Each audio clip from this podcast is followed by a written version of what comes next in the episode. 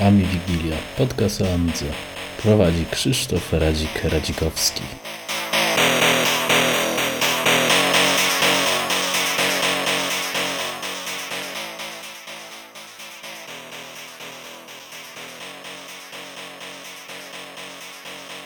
Cześć Adam. Witam Cię w szóstym odcinku. Mam nadzieję, że to będzie szósty odcinek podcastu Amidze. Pierwsze pytanie, klasycznie, y, czym się zajmujesz prywatnie? Y, w skrócie o, o, możesz opowiedzieć jakąś tam swoją historię, żeby... Większość osób Cię oczywiście zna, znasz z amigowych publikacji, y, gazet, książek, ale poza tym co jeszcze robisz? To jest u mnie troszkę skomplikowane, bo e, ogólnie robiłem różne rzeczy. To znaczy tak, wykształcenia w ogóle jestem ekonomistą e, z, bankowości. Także tutaj mam specjalizację z bankowości i yy, chociaż nie pracowałem w zasadzie w zawodzie, a tak to robiłem bardzo różne rzeczy. To można powiedzieć, można by wymienić bardzo wiele zajęć. No w tej chwili na przykład tworzę strony internetowe. No ale bywało, że po prostu byłem na przykład sprzedawcą, serwisantem, przez jakiś czas nawet byłem DJ-em. Także wiele rzeczy. No to nieźle. No, roz, rozstrzał jest duży. Jakbym zaczął mówić, to, to z pół godzinki co najmniej, ale myślę, że nie ma sensu teraz aż tak bardzo wprowadzać. Ogólnie możemy podsumować, że jesteś człowiekiem renesansu w tym momencie. Tak, tak. tak. Kiedyś się tak mówiło chyba przed wojną, że jak ktoś był wszechstronny, to tak coś takiego się o nim mówiło. No, no albo po wojnie może też, też to słyszałem. E, czyli przejdźmy do bardziej amigowych konkretów. Kiedy miałeś pierwszy kontakt z Amigą? E, czy to był twój pierwszy komputer, czy wcześniej użytkowałeś inne komputery? Mm, no też tak po, w sumie mhm. pokrótce twoja historia amigowania. Tu jest tak, pierwszą Amigę to y, miałem w, w 90 na początku lat 90., już teraz dokładnie nie pamiętam, ale to był już któryś z kolei komputer. Tak? Ja zacząłem w zasadzie w latach 80. to był Spectrum Timex 2048. Y, e, później było dużo y, innych komputerów, powiedzmy y, Commodore Plus 4, no to wiadomo, może mniej popularny sprzęt, z takich bardziej popularnych Commodore 64, ale w międzyczasie na przykład zahaczyłem też o, o jakieś tam PC-ty, z tym, że to też może nie moje, ale generalnie używałem przez jakiś czas. Taki komputer, na przykład Acorn Archimedes też gdzieś tam się pojawił, Atari małe, no było tego tak naprawdę dużo, więc e, Amiga to był mój kolejny komputer.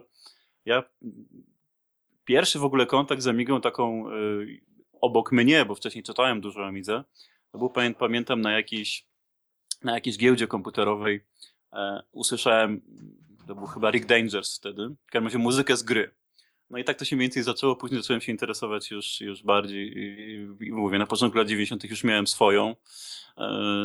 No i to była 500, 500 jako pierwsza Amiga.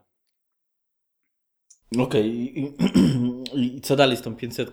Czy rozbudowałeś ją, czy, e, czy, czy szedłeś w nowsze modele?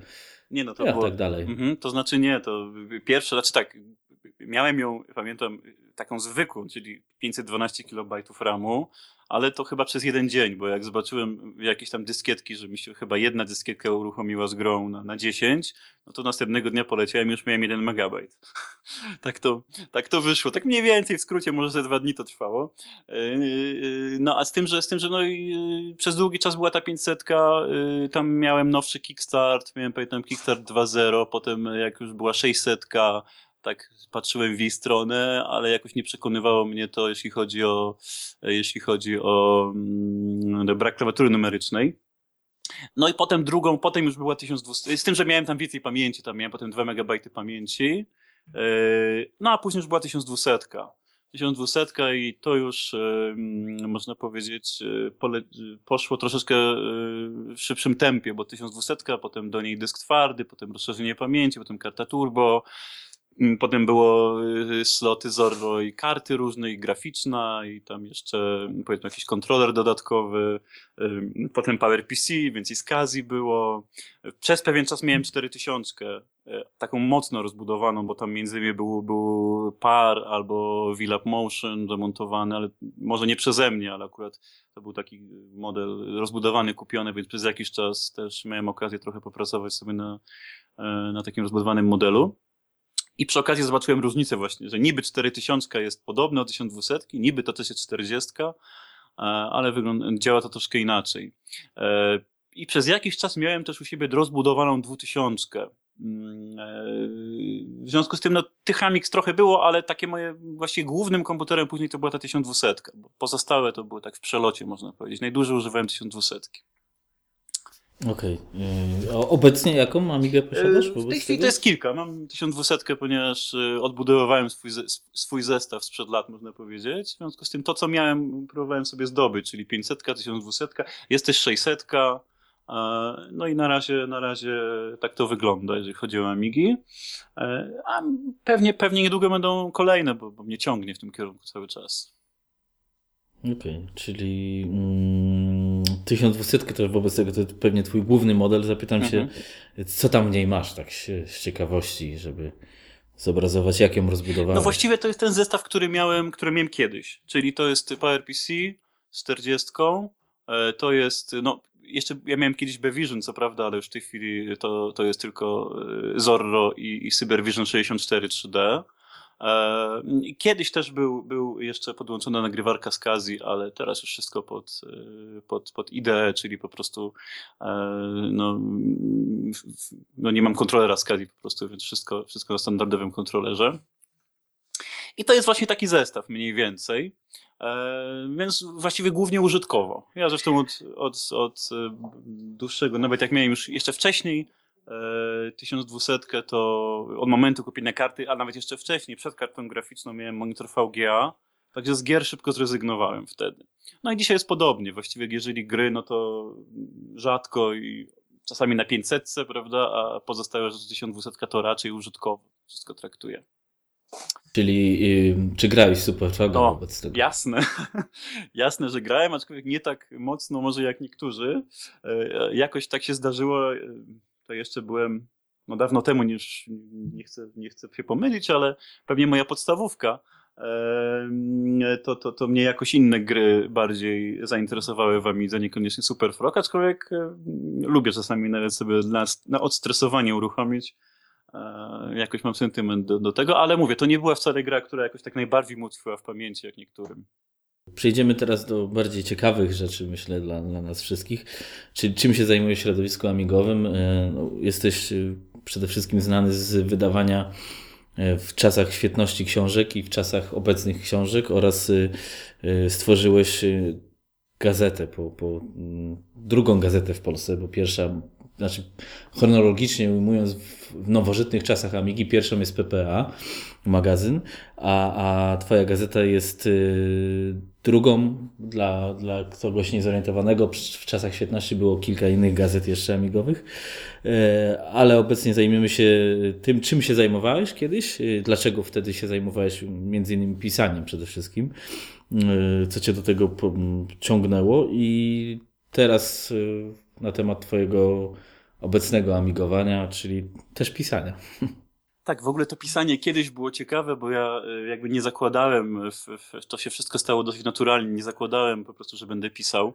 Zaczęło się wszystko od tego, że zacząłem widzieć yy, na workbenchu po prostu używając 1200, że brakuje powiedzmy takiego helpa, który byłby na ekranie. To, tak to mniej więcej wyglądało. I zacząłem pisać, no to wtedy jeszcze z bratem współpracowałem, pisaliśmy to razem. Taki właśnie help w Amiga Guides. E, on uruchamiał się w ten sposób, że do menu głównego dodawał dodatkową opcję z pomocą. I tam helpem, czy klawiszem help też można, jako commodity po prostu, można było to sobie uruchamiać. E, I to, myśmy to potem sprzedawali na dyskietce. Ponieważ dosyć, dosyć no, duży odzew był, to zaczęliśmy pisać jeszcze taki drugi, i to się nazywało, jeszcze dodam, workbench dla początkujących. Potem zaczęliśmy pisać jakby drugą dyskietkę, trochę bardziej o sprzęcie, ale też w formie takiego Amiga Guide'a. I to był Amiga od środka, to się wtedy nazywało, i też dyskietka. No i to przez pewien okres, powiedzmy, właściwie nic się nie działo, a w pewnym momencie dostaliśmy w ogóle bez naszej jakiejś wiedzy czy, czy jakiegoś działania w tym kierunku, dostaliśmy informację z magazynu Amiga wtedy, y, no, że jest zainteresowanie, żebyśmy opracowali to w formie książkowej. Tam brał udział też y, oprócz Marka Pampucha szef Eureki Andrzej Lipiecki. I oni nas pokierowali do wydawcy z Gliwic, żebyśmy po prostu przedyskutowali temat, bo człowiek jest zainteresowany wydaniem po prostu książki. I, tak się zaczęło. I dotrzymaliśmy no, po prostu termin, uzgodniliśmy tematykę, udało się to wszystkiemu sprostać i książka się ukazała. No po czym jeszcze była druga pozycja, no żeby już skrócić powiedzmy troszkę, ponieważ można powiedzieć, że praca nad każdą z nich to było około rok czasu. Więc to, to nie było tak, tak bardzo szybko. No a później, jak już się okazało, że one, no, że te dwie książki się sprzedały, to właśnie firma Eureka z wrześni zaproponowała, żeby, żeby stworzyć coś takiego jak Amiga Vademecum, co może niektórzy pamiętają. I było pięć numerów. Było co prawda przewidzianych więcej, myśmy nawet napisali ich więcej, no ale wydanych zostało pięć numerów. E, a potem, a potem była, no z tym, że to już zupełnie inny, inny, inny format. To, to bardziej, wiadomo, to było w segregatorze, taki wkład do segregatora yy, z płytą. No, jest to jeden numer czy dwa były nawet z, dwoma płyt, z dwiema płytami, także się rozwijało. E, to ciekawostką, tutaj mogę ciekawostkę dodać, że, to że te Amiga Vademecum były sprzedawane na przykład w salonach prasowych InMedio na bazie umowy. Także całkiem nieźle to, to wyglądało. A później była, później była przerwa. Później była przerwa, się zająłem troszeczkę innymi sprawami. W Amidze właściwie myślałem mniej. Miałem firmę, firmę zajmującą się PC-tami, serwisem, modernizacją, takimi no, sprawami zupełnie związanymi z Amigą. Ale w międzyczasie miałem jeszcze firmę, również z bratem prowadziłem działalność, która polegała również na serwisowaniu Amigi. I to wszystko się tak przewijało można powiedzieć, yy, przechodziło jedno w drugie. Yy, no ale w pewnym momencie zacząłem myśleć znowu o rzeczywiście pisaniu, ponieważ yy, widziałem, że tak, praktycznie nie, w Polsce się nie pojawiają żadne pozycje no, książkowe Amidze, te, które się pojawiają są zazwyczaj zagraniczne. To, co pojawiało się kiedyś, w większości przypadków nie było ani rozbudowane, ani jakoś dogłębnie traktujące temat, a, a że ja najbardziej, najlepiej jakby chyba znam system, system Amigi, e, zawsze się nim bardzo mocno interesowałem i uważam go za jeden z najlepszych w ogóle systemów, który powstał w historii, to stwierdziłem, że trzeba o nim pisać.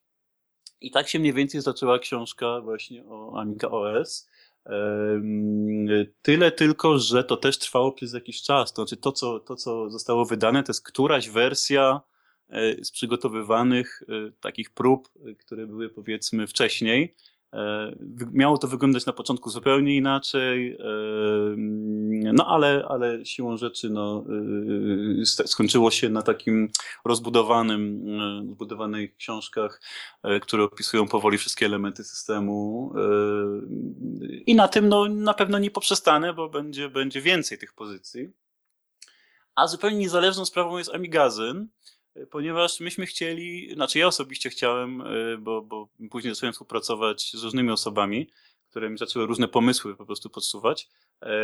Chciałem reaktywować Amigę tak naprawdę. Tak to wyglądało na początku, z tego się wziął pomysł, ale były, stanęły trochę na, na przeszkodzie względy formalne. To znaczy, po pierwsze, mi się nie podobał za bardzo, e, tak jak na dzień dzisiejszy, nie podobała mi się forma Vademecum.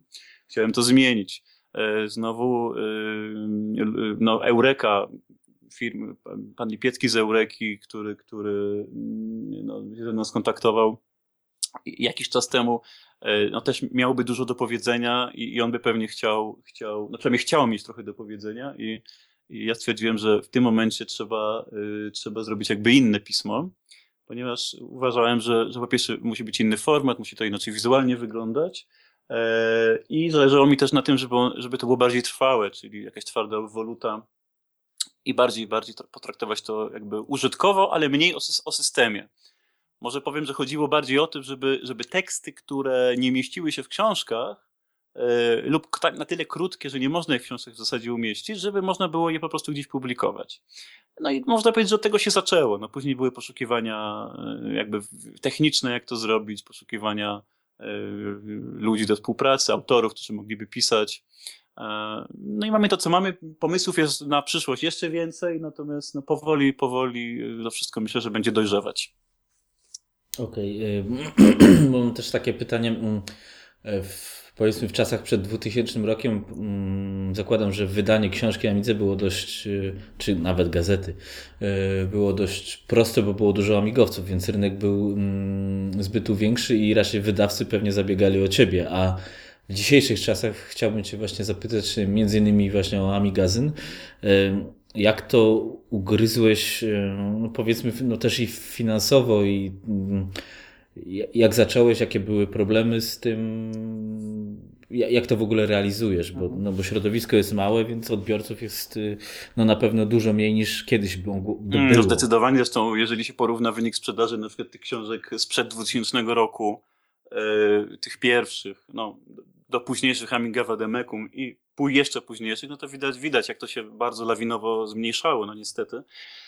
Mogę cię zapytać o jakiś yy, przykład, no, jeśli to nie, nie jest ściśle no nie, no. tajne, tak żebyśmy mieli powiedzmy jakieś y, pojęcie, ile, ilu jest jakiś jeszcze Amigo, ile było Amigowców i jaka jest teraz liczba. Znaczy to tak tego nie określimy, ale po nakładzie mniej więcej można powiedzieć procent czy coś w tym rodzaju. Znaczy mogę podać taki przykład, który znam z oficjalnych, y, no teraz wiem sam po sobie, natomiast wcześniej no, mieliśmy informacje przekazywane przez wydawców, że tak, y, książki te dwie pierwsze, y, one miały nakład łączny około 50 tysięcy egzemplarzy i to się sprzedało.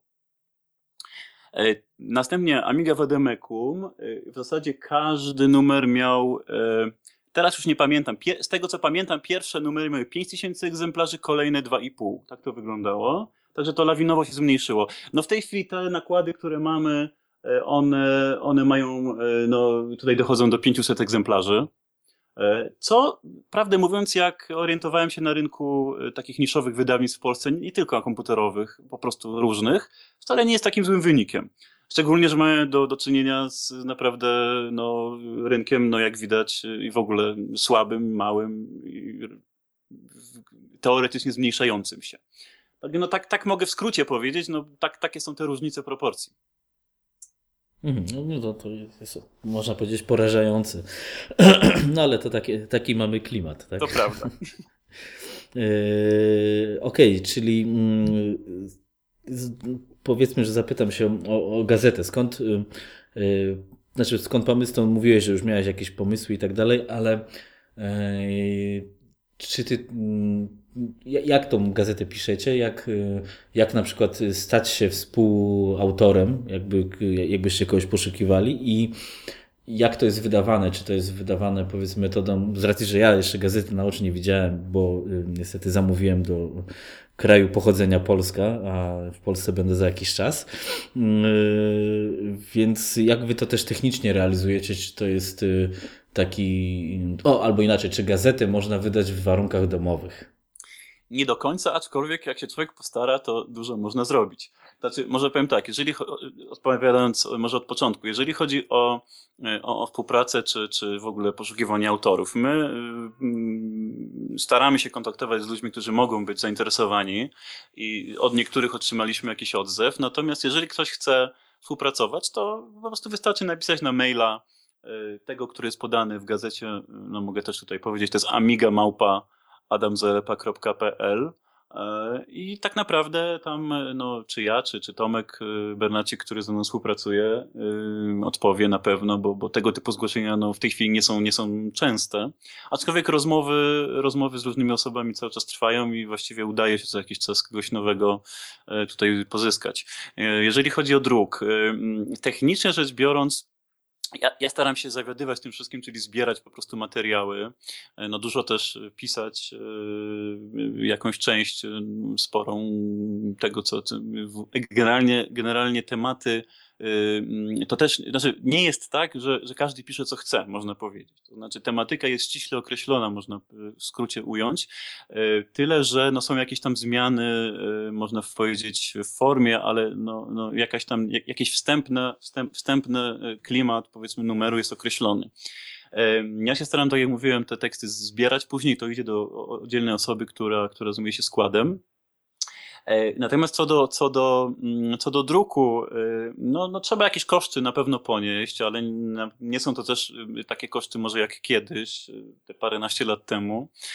Natomiast no można, można wyważyć. To znaczy jest to kwestia powiedzmy znalezienia drukarni, która, która może zająć się drukiem niskonakładowym, ale o jakiejś określonej jakości.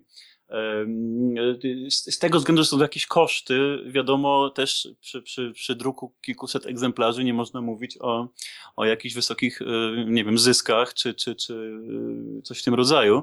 Natomiast, e, no, tak naprawdę negocjując warunki, można znaleźć jakiś złoty środek, który spowoduje, że z jednej strony będzie się opłacało wydrukować, mm, czyli, czyli, czyli nie będzie to, powiedzmy, działalność zupełnie charytatywna, czy skazana na, na, na na stratę, e, a z drugiej strony, żeby ta jakość e, i to, co otrzymujemy, e, było, było w miarę sensowne, tak jak Amigazyn, to mnie zależało, tak jak mówiłem, na tym, żeby to było w miarę trwałe, czyli grub, grub, grubsza okładka. I, i, co do książek, też wracając, one są szyte, też, też chodziło mi o to, one są dosyć grube, prawda, w związku z tym chodzi o trwałość, natomiast same pismo jest już, jest już klejone z grzbietem płaskim, ale tak naprawdę ta jakość, e, którą tu uzyskaliśmy, biorąc pod uwagę środki, i tak uważam, że jest bardzo dobra. E, no i to chyba główne, główne rzeczy, które mogę tutaj powiedzieć. Okej, okay, a teraz z racji, mm, że mnie to bardzo interesuje, wersja PDF, czy rozważacie mm, PDF, czy w ogóle na zasadzie elektronicznej, czy rozważacie coś takiego, czy rozważacie to ewentualnie w formie tak jak PPA to robi, czyli kupujesz wpierw gazetę normalną, a później jest udostępniona wersja PDF. Mhm. To znaczy tak, my od samego początku myśleliśmy o, o, o tym, żeby była też wersja elektroniczna, tym bardziej, że no, tak naprawdę sporo, sporo osób się kontaktuje z takimi pytaniami, też właśnie o elektroniczną wersję. I, i, i to już zaczyna się dziać. To znaczy, od, po nowym roku będzie elektroniczna wersja y, tego pierwszego podręcznika o Directory Opusie. E, będzie jak najbardziej. Potem będą kolejne. Tyle, że my chcemy, może powiem tak, nie, ja nie chcę mm, jakby, mm, nie wiem, przedłużać czasu od y, druku papierowego do, elektronicznej, do elektronicznej wersji, ale chciałbym, żeby każda, każde wydanie było troszkę inne. To znaczy, y, tak jak Dyrektor Opus, to będzie wydanie, którym będzie sporo poprawek, nawet troszkę rozszerzeń. Tak samo w każdym y, Mamigazynie to może nie, ale, ale w, w, w, kolejnych książkach, czyli na przykład w pierwszym tomie Amigaosie też będą poprawki, też będą jakieś, y, jakieś rozszerzenia. Można powiedzieć, że będzie, będą to drugie wydania Y, tych, tych, tych, tych pozycji. I z tego względu no, też wymaga to trochę czasu, ale wydaje mi się, że lepiej, żeby była to troszkę bardziej nawet dopracowana wersja elektroniczna,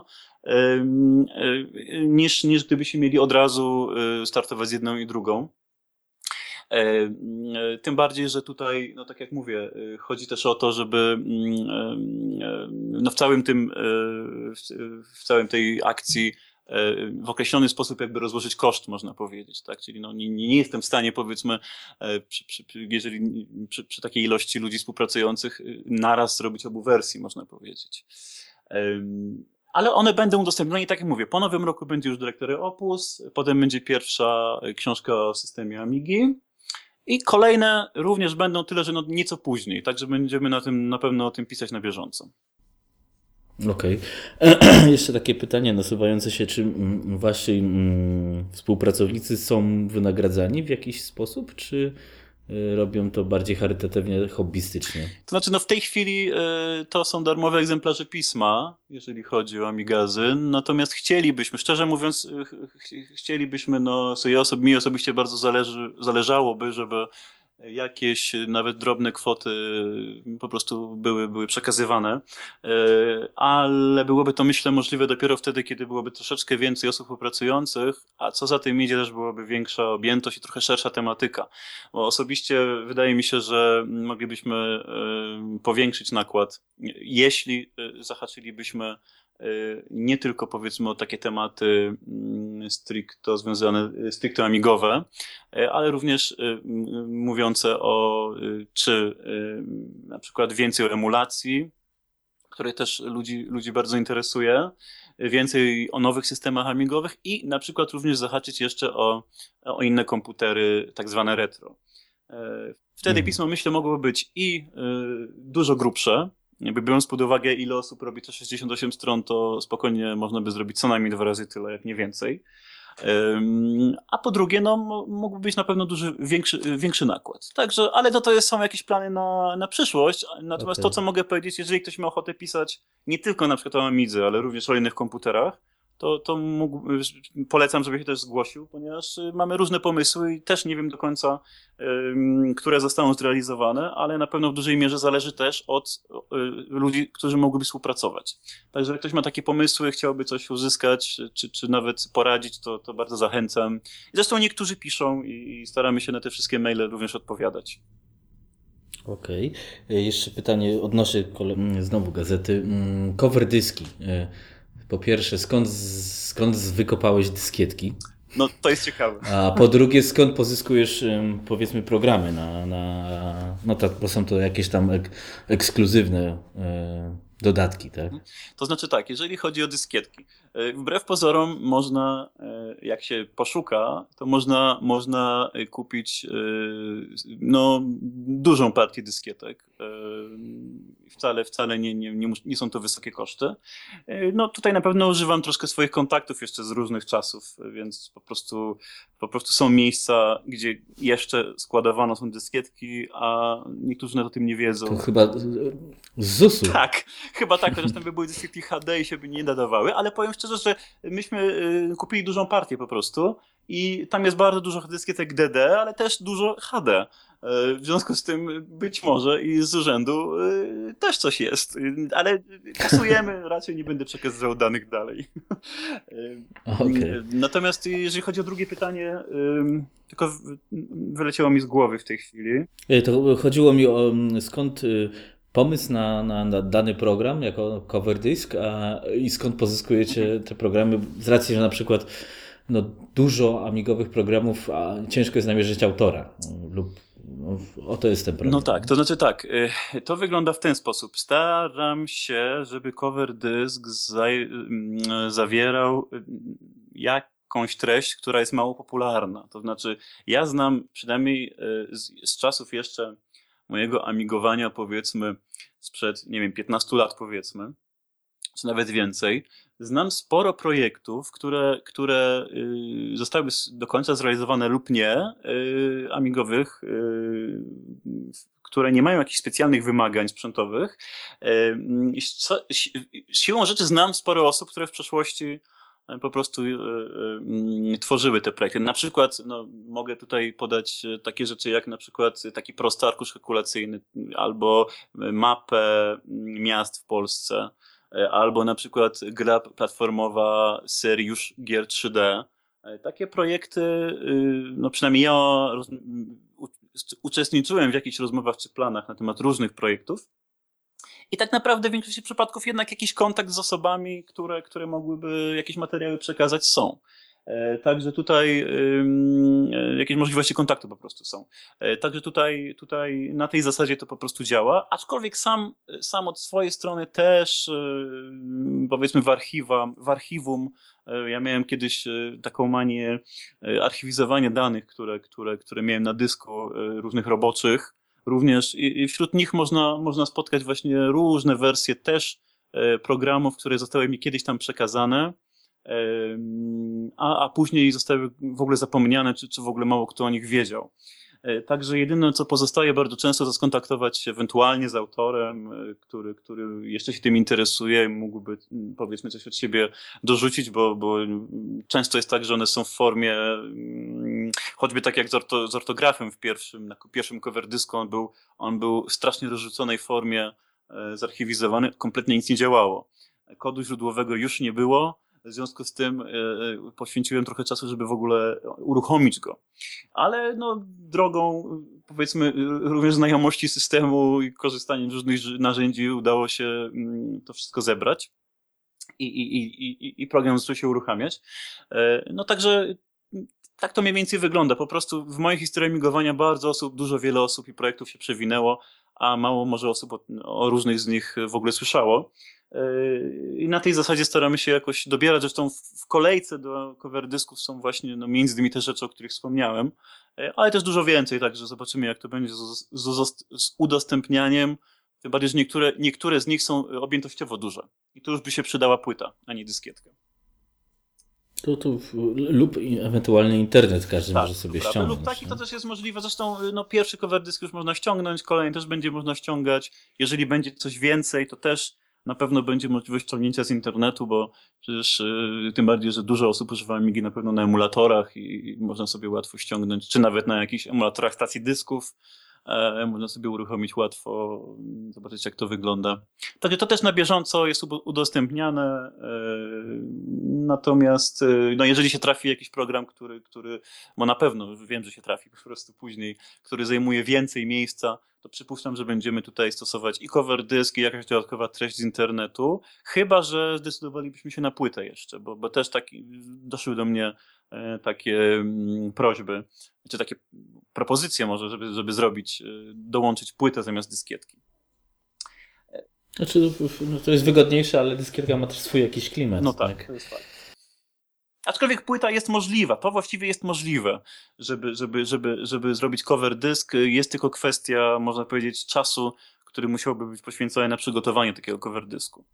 E, I de facto y, nagranie dużej ilości dyskietek to też nie jest takie łatwe, podejrzewam. Nie? No tak, tak, tym bardziej, że musimy jeszcze no, wśród tych dyskietek y, segregować ewentualnie te, które są uszkodzone, bo to się też zdarza, niestety one leżą, one gdzieś leżały i, i, i w różnych powiedzmy miejscach mogły leżeć i nie wszystkie z nich są sprawne.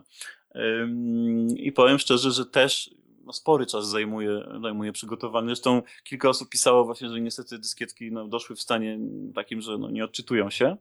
Yy, ale ze względu na to, że, że jakby raz, że mamy większą ilość, dwa, że yy, no, jest do też, też yy, z internetu ADF, to spokojnie, jeżeli ktoś ma uszkodzoną dyskietkę, możemy mu podesłać drugą.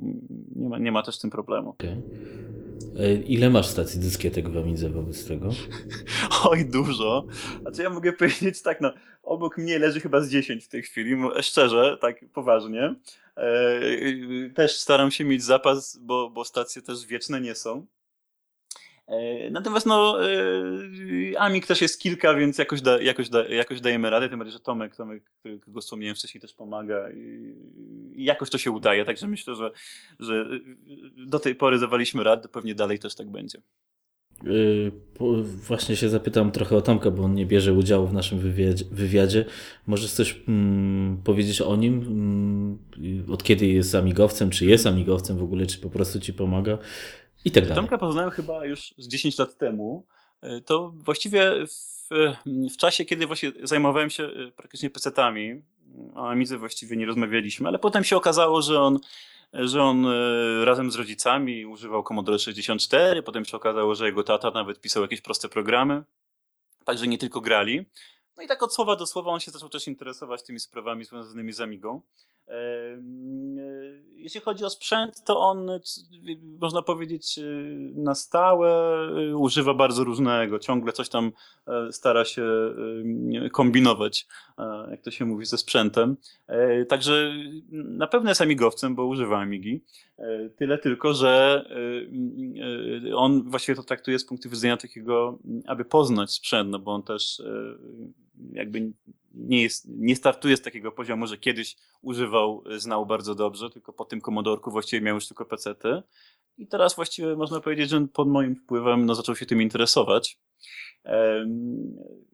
Natomiast y, no, podoba mu się to. Zresztą, zresztą y, wśród moich znajomych, również właśnie, którzy się nie interesowali do tej pory Amigą, tak jak wspomniałem wcześniej, na przykład mm, Applem, Okazało się, że od słowa do słowa, e, że, że, że są zainteresowani też na przykład e, nowymi systemami amigowymi na zasadzie nawet ciekawostki, ale potem jak rozmawiamy dalej, to się okazuje, że tu znajomy miał jakiegoś komodorka, tam miał jakąś Amigę, tu miał jakieś Atari. Także okazuje się, że, że dużo więcej ludzi interesuje się e, tak zwanym sprzętem retro, chociaż ja nie lubię tego określenia, niż, niż to wygląda na zewnątrz. Zresztą tego sprzętu było tak dużo w Polsce, że to gdzieś to ujście musiało być. I z tego względu no, na tej zasadzie również, również Tomka poznałem, a prawdę mówiąc, e, im bardziej wchodzę w tą tematykę, tym, tym więcej okazuje się, ile osób interesuje się właśnie gdzieś tam pokątnie nawet tym sprzętem. Czyli wobec tego rynek dla Twojej gazety, jeśli by ją rozszerzyć, no, ja teraz użyję tego słowa retro, mhm. Mógłby być powiększony i de facto e, powiedzmy ta ilość amigowców y, teoretycznie może wzrosnąć w Polsce. Znaczy ludzi wracających, czy, czy, czy, czy coś w tym rodzaju. No myśmy na ten temat już dyskutowali e, na Amiga Meetingu w 2000 roku. E, mieliśmy taką serię wykładów i tam właśnie też na bazie e, pytań o Amiga Wademekum wtedy właśnie były pytania o ilość amigowców, jak widzimy to w przyszłości. Ja uważam w tej chwili, że tak, jeżeli chodzi o ludzi, y, którzy w ogóle interesują się sprzętem, no nie tylko Amigą, ale w ogóle tymi starszymi komputerami, e, e, tak naprawdę przybywa. Z tym, że większość ludzi, ci, którzy teraz zaczynają jakby się tym interesować, to jednak są to powroty. E, także na pewno w pewnym momencie, w pewnym momencie będzie jakiś przesyt i, i znowu y, pewnie historia pójdzie w trochę innym kierunku. Natomiast uważam, że, że, że rynek czy, czy nakład w ogóle tego typu wydawnictw spokojnie mógł być kilkukrotnie większy. E, jest to w zasadzie kwestia, e, można powiedzieć, stworzenia takiej pozycji, która będzie troszeczkę łączyła ludzi żebyśmy mogli pisać o różnych rozwiązaniach, powiedzmy, e, i na pewno wtedy, mm, aczkolwiek one ze sobą mogą e, współgrać, mogą współpracować, prawda, przecież. E, także tutaj moglibyśmy na pewno mieć nakład większy, Natomiast no, wymagałoby to znowu zebrania, zebrania pewnej grupy ludzi zainteresowanymi właśnie pisaniem o, o sprzęcie z troszeczkę innego punktu widzenia. I co mogę powiedzieć, no, y, z, z kilkoma, y, z, y, z, jakąś grupą osób, powiedzmy, czy Tomek, czy ja, staraliśmy się, staramy się rozmawiać, jakieś tam rozmowy są. Jeżeli byśmy byli w stanie pozyskać większą ilość osób, na pewno zwiększylibyśmy objętość, bo to nie wymaga jakichś wielkich nakładów. Objętość może być spokojnie większa. Chciałbym też w niedługim czasie, mm, chciałbym też w niedługim czasie, żeby w Amigazynie było więcej koloru czyli jakieś wkładki kolorowe przynajmniej, niektóre strony, żeby to jednak w tym kierunku szło. No ale to wiadomo, wszystko będzie zależało od, od pewnego rozwoju. Na razie musimy trochę okrzepnąć w tym, co jest, a za pewnie w przyszłym roku będziemy próbować zrobić coś więcej. A ja no, generalnie się wiele razy w życiu przekonałem, że jak człowiek bardzo chce i mu zależy, to, to można jednak pewne rzeczy przeprowadzić e, łatwiej niż się wydaje. A jednak tematem MIG jest taki, że uważam, że warto go podejmować. Jest to wartościowy temat po prostu w historii y, w ogóle komputerów. Y, I ktoś, uważam, powinien się nim zająć. No, za granicą jakieś, jakieś osoby są, które piszą w Polsce, y, no niestety jest mało, ale, ale no, powoli, powoli myślę, że troszkę rozruszamy ten temat. Okej, okay. powiedz mi, bo ty pewnie bardziej wiesz, czy w Polsce w kiosku jest jakaś taka retrogazeta, czy właśnie nie ma? W Polsce w kiosku to jest kłopot, bym powiedział. To znaczy, no. Czy, czy widzisz taką przyszłość, że, że mogłaby taka gazeta amigowo, retroamigowa powiedzmy wejść, czyli zajmująca się retro i amigami do kiosku? Ja myślę, że gdybyśmy potraktowali temat szerzej, i to jest, y, szczerze mówiąc, y, y, jakby mój w pewnym stopniu jeden z możliwych celów do osiągnięcia. Jeżeli byśmy potraktowali temat nie tylko pod względem Amigi, ale również rozszerzyć gazetę o po prostu o inne komputery retro, z tym, że nie kosztem tematyki amigowej, tylko po prostu rozszerzając objętość, na przykład dwu albo trzy, trzykrotnie nawet, to ja myślę, że moglibyśmy osiągnąć nakład taki, który mógłby powodować, że bylibyśmy sprzedawani po prostu w kioskach. Jeżeli moglibyśmy, jeżeli mogliśmy to zrobić przy nakładzie kilkutysięcznym za Amiga Wademekum, a były, mówię, były, była umowa z salonami prasowymi, e, były, były księgarnie tam informatyczne, e, e, tak zwane te elektronika, to myślę, że rozszerzając tematykę i powiększając kilkukrotnie nakład, moglibyśmy również być, być tutaj w kioskach. Zresztą to jest, można powiedzieć, że jednym z próbą czegoś takiego będzie książka, która okaże się po nowym roku, którą właśnie chcemy sprzedawać szerzej. Ja o tym jeszcze nie mówiłem, e, natomiast będzie to e, książka, która no, będzie mówiła o historii Amigi, ale w zakresie, można powiedzieć, w kontekście całego rynku komputerowego, od lat 80., można powiedzieć, do dzisiaj. I, i myślę, że tego typu publicystyczna tematyka mogłaby trafić do, do wielu osób. E, na pewno nakład będzie większy, bo chciałbym doprowadzić do E, do sprzedaży w, no, w, księgarniach czy, czy w miejscach po prostu nie, nie, tylko w internecie. Jeżeli się to uda, no to myślę, że, że, że moglibyśmy pokusić się później o, o coś więcej, o kolejne takie szersze pozycje. Ale też dla mnie priorytetem jest w tej chwili skończyć też e, e, serię o systemie Amigi ponieważ tutaj to, co w dwóch tomach jest przedstawione, tak naprawdę było, było, było pomyślane, e, to znaczy dwa tomy e, e, zajmuje tematyka, która właściwie miała się zmieścić w jednym tomie. O, tak powiem w skrócie. W związku z tym kolejne, kolejne dwa tomy pewnie zajmie tematyka, którą planuję na trzeci. Natomiast no, ile będzie razem, to już zależy od rozwoju sytuacji, też od sprzedaży, ale materiału, który mam jest bardzo dużo, także spokojnie możemy ten temat ciągnąć. Ale to jest zupełnie oddzielna sprawa, natomiast no, jeżeli, jeżeli rzeczywiście udałoby uzyskać trochę większą ilość odbiorców, to, yy, yy, to, to na pewno ta sprzedaż mogłaby wyjść też poza te ramy strony powiedzmy internetowej, żeby było to coś więcej. Okej, okay, bo tak, to w sumie cie, cie, taka książka o historii Amigi to jest dość ciekawą pozycją, myślę, bo ten komputer chyba w Polsce jest niedoceniany. Zresztą na całym świecie zawsze się wspomina, że był jakiś tam PC, później wszedł Mac, zrobił rewolucję i, i tyle. A ta Amiga jest kompletnie pominięta. Tak, to prawda. No właśnie, więc. A zresztą Amiga była pomijana, czy może nie, nie do końca pomijana. Jeżeli przy, y, sobie Amigę od czasów premiery, to na samym początku Amiga była porównywana jednak z PC-tem. E, no, z Maciem przy okazji, ale powiedzmy w, w momencie premiery było porównywanie z, z PC-tem, z MS-DOSem. No, takie porównania miały miejsce. Natomiast w Polsce sytuacja była taka, że właściwie Amiga była, była bardzo często porównywana z Atari ST, E, I Atari ST było widziane, ja pamiętam y, y, artykuły z lat 80. Atari ST było widziane jako komputer bardziej profesjonalny do pracy, Amiga jako komputer bardziej e, powiedzmy zabawowy, taki rozrywkowy, jako konsola. E, I, y, no, i właśnie sama w sobie przez pewien okres no, nie była, można powiedzieć, niedoceniona, natomiast no, później pojawiły się nowe konstrukcje, które powiedzmy gry, które już, y, y, no wiadomo, gry 3D zmieniły świat, można powiedzieć. Natomiast niedoceniony zawsze był system Amigi, zawsze oprogramowanie było, było niedocenione. Ja zresztą to widziałem na własnej skórze, bo miałem y, kuzyna, który posiadał Atari ST. Ja wtedy miałem Amigę, a Atari ST znałem, można powiedzieć, z opowieści. I gdy po prostu zobaczyłem oprogramowanie Atari ST, wydawało mi się, że to będzie sprzęt dużo bardziej rozwinięty w stosunku do Amigi.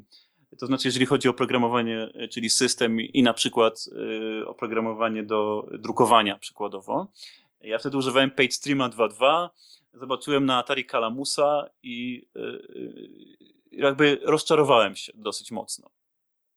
No ale jest to zupełnie oddzielny temat. Czyli po prostu mnie się wydawało, że ten komputer jest, jest dużo bardziej rozwinięty, a okazało się tak naprawdę, że że y, no ja wolę swoją Amigę i, i, mogę na niej zrobić, y, no nie wiem czy więcej, ale, ale mnie się przynajmniej pracowało wygodniej, a na pewno system Amigi jest dużo bardziej rozbudowany. E, natomiast system Amigi w ogóle jest nietypowy, to znaczy y, można powiedzieć, że w moim przekonaniu system Amigi zmienił całą informatykę. To znaczy wcześniej mieliśmy systemy właściwie pochodne dżemu, na wszystkich komputerach. Czy to był PC powiedzmy jeszcze XT, no to mieliśmy Jam.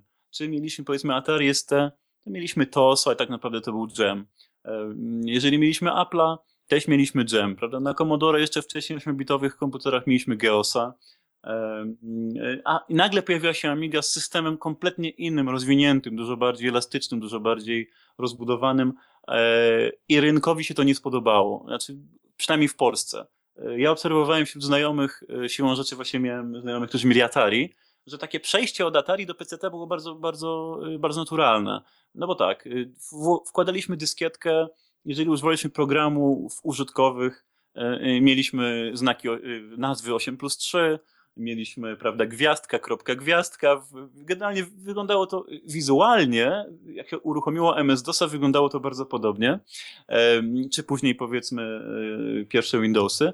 E, natomiast Amiga e, oferowała zupełnie coś innego.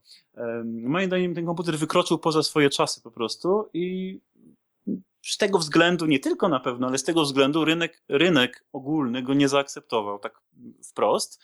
Natomiast producent Amigi po prostu, yy, producent Amigi Commodore yy, nie zatroszczyło się o to, żeby wypromować komputer yy, jako, y, jako platformę użytkową, alternatywą w stosunku do PC-ta, tylko zaczęli traktować wyłącznie praktycznie jako konsolę do giera te wszystkie programy jako dodatki.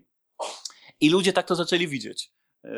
A ponieważ nie opracowano dobrego systemu, no przynajmniej jeżeli porównamy sobie system pomocy, na przykład wsparcie w Windowsie i wsparcie nawet zwykłego użytkownika zwykłym helpem właśnie w Amidze, no to niestety na niekorzyści Amigi się to, mm, się to mm, przechylało. Także uważam, że komputer miał bardzo y, wielkie nieszczęście do, do złych marketingowców albo do braku w ogóle marketingu, chociaż na początku wyglądało to troszkę inaczej, szczególnie za granicą. No a w Polsce, a w Polsce, przynajmniej tak jak ja obserwowałem na rynku, nie został dobrze przyjęty ze względu może na przyzwyczajenia, może na swoją inność. Zresztą dzisiaj, jeżeli, jeżeli widzimy jakąś platformę, która się wyróżnia, to ja też widzę, że ludzie niespecjalnie pozytywnie o niej mówią, no chyba, że przekonają się później, że, że, że jest coś wartościowego. No, to jest bardzo długi temat, ale też o nim właśnie będzie w tej książce, która się ukaże w przyszłym roku. E, generalnie dla mnie Amiga była zawsze przede wszystkim e, ważna ze względu na system operacyjny, a dopiero potem na, na, na, na inne cechy.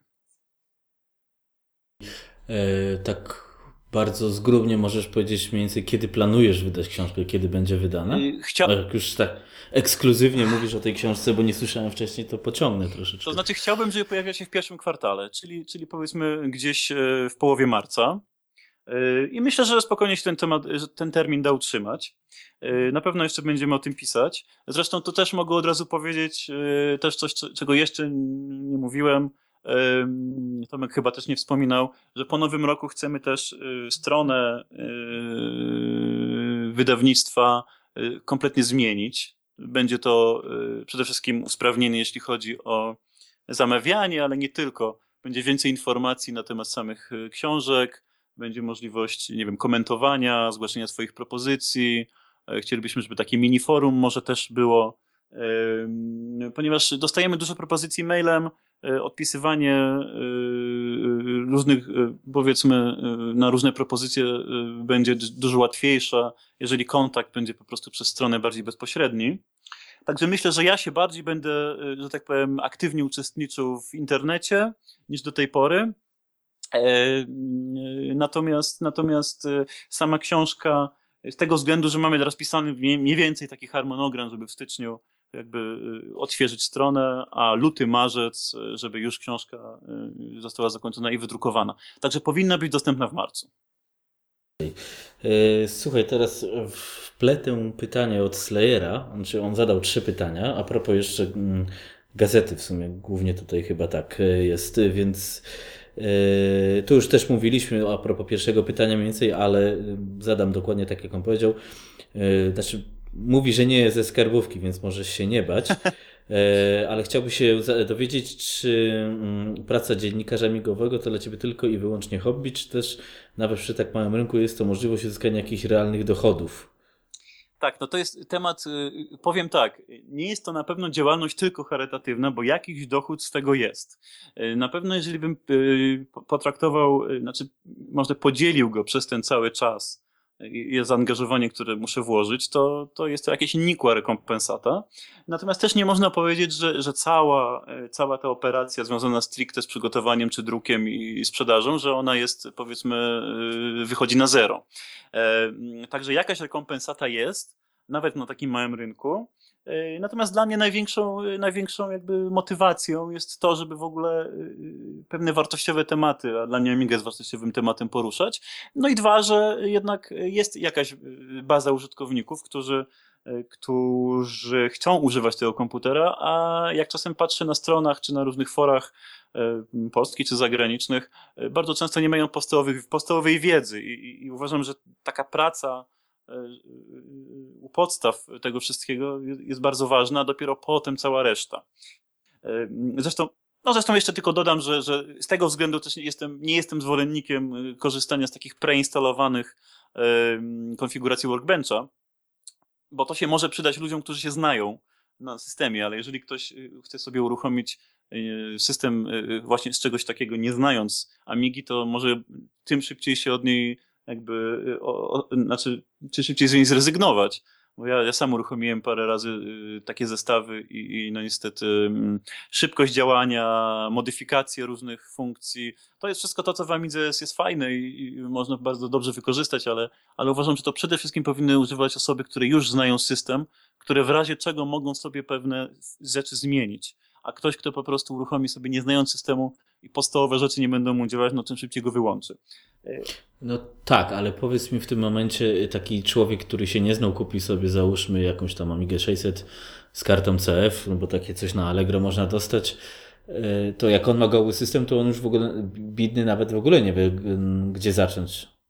No. A tutaj w takim preinstalowanym powiedzmy masz już fakt, że to nie jest nazwane mm, tak jak jakoś logicznie, ale masz jakieś hipoplayera na przykład, czy masz jakiegoś transadf-a, Wiesz, mhm. takie tematy, że masz to wszystko gotowe. Zgadza się, to znaczy ja może inaczej, żeby to uściślić. Nie mam, y, y, y polecam, y, y, jeżeli już na dysku ktoś ma zainstalowane jakieś oprogramowanie, e, no to oczywiście jest to, jest to pozytywne, że może sobie od razu uruchomić, powiedzmy, czy nie wiem, na przykład Opusa, albo, albo tak jak mówisz, Hipoplayera, uruchomić, czy tam wyświetlić grafikę, nie wiem, moduł sobie uruchomić, czy jakąś grę. E, natomiast te, te, te, te konfiguracje Workbencha bardzo często mają po prostu wiele modyfikacji w samym systemie. Wyświetlanie, e, powiedzmy, jakichś dodatkowych komunikatów, animacji, e, paneli.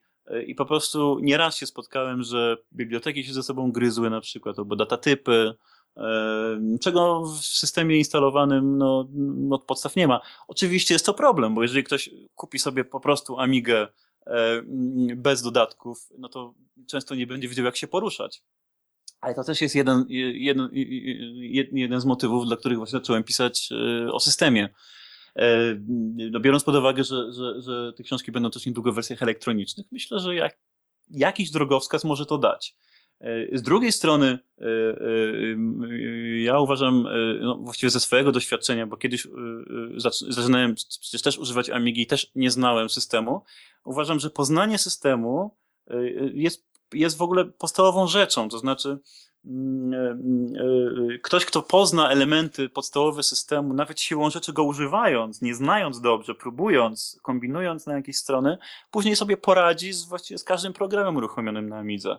Natomiast dzisiaj jest taka tendencja w, w uczeniu informatyki, żeby uczyć ludzi e, konkretnych programów, ale mm, e, nie czytając, w cudzysłowie, nie czytając tego, co jest na ekranie. Tak? To znaczy musimy sobie rozbić elementy, które są na ekranie,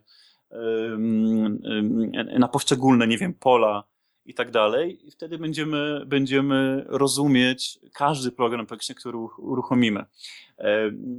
Natomiast y, no jest to na pewno kłopot, y, bo, bo wymaga to czasu. Wymaga to czasu, a dzisiaj mało kto pewnie ma tak dużo czasu, żeby się w to zaangażować. I dlatego tego typu konfiguracje są popularne. No, też nie da się ukryć. Okej, okay, słuchaj, to teraz jeszcze pytanie odnośnie systemu, z racji, że jesteś fascynatem Amiga OS i, yy, i znasz się na nim bardzo dobrze. Co sądzisz o E, tu mówię, odnoszę się do linii 3X, właściwie 3.9, ostatniej wersji systemu 6.8K, czyli na, na stare procesory, e, o projektach takich społecznościowych, jak biblioteki, bodajże gościu ma ksywę Kosmos, Kosmo? Kosmos? Kosmos lub y, tak, dokładnie, lub y, całe te pakiety Boeing, bo, e, bo, Boeing Ball 4, to chyba tak. Te, Boeing Buggy. Nie, Boeing, Boeing Buggy. Buggy. O, dokładnie, to było tak.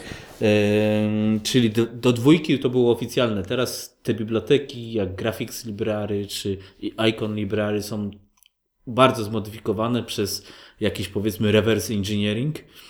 I, I, co sądzisz na ten temat? Czy, czy jest sens to instalować? Bo to wpływa jakoś tam na pewno negatywnie na, na stabilność systemu. Przynajmniej ja tego raczej nie instaluję. Jestem zwolennikiem raczej takich oficjalnych rozwiązań ale chciałbym się dowiedzieć, co ty na ten temat sądzisz i czy komuś możesz to polecić albo odlecić, że tak powiem. No tak, to znaczy ja, znowu jest podobna sytuacja. Uważam, że to, to powinni instalować ludzie, którzy już znają system.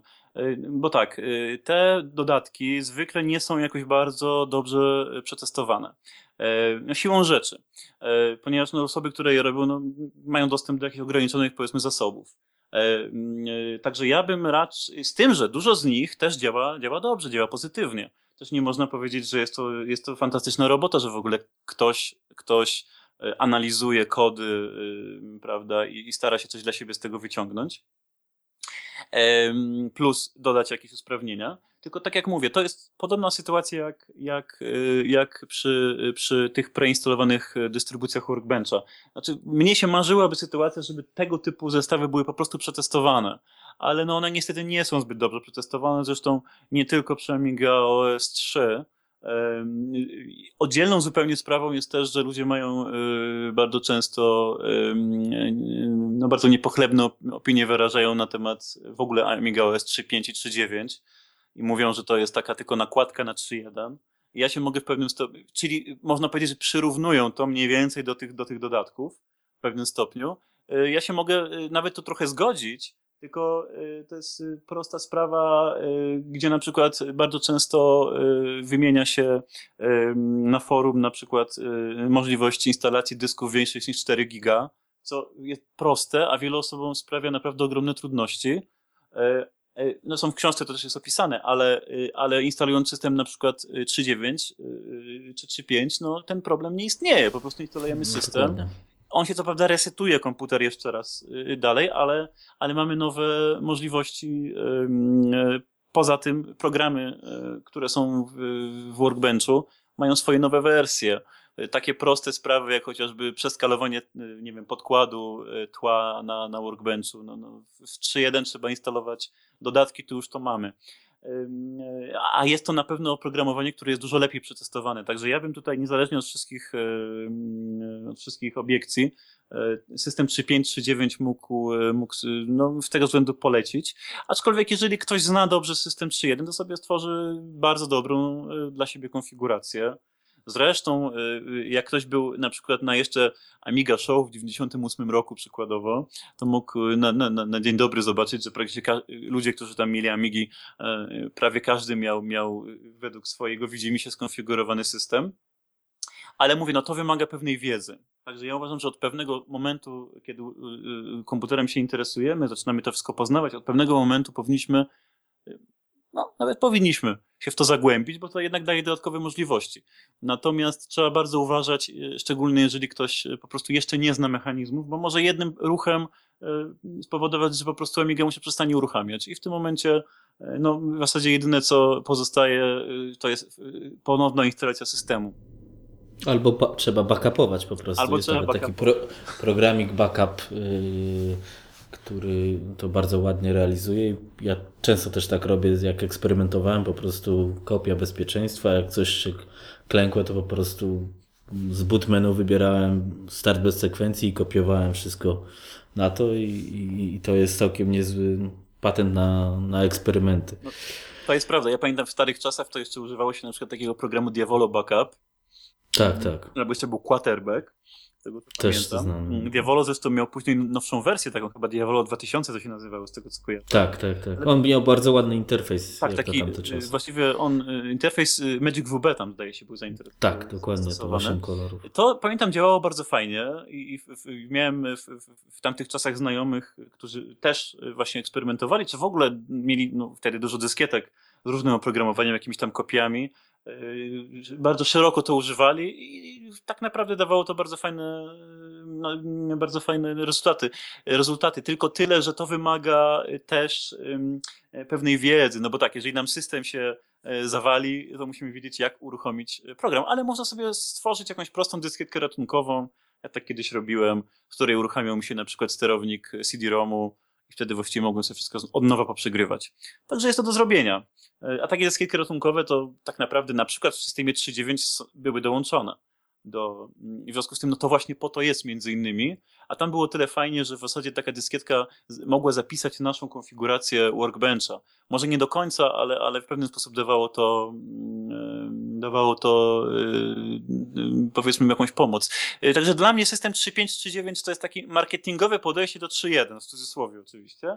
No i z tego względu sporo osób będzie to na pewno też, y, no nie będzie tego przyjmowało, będzie to krytykowało.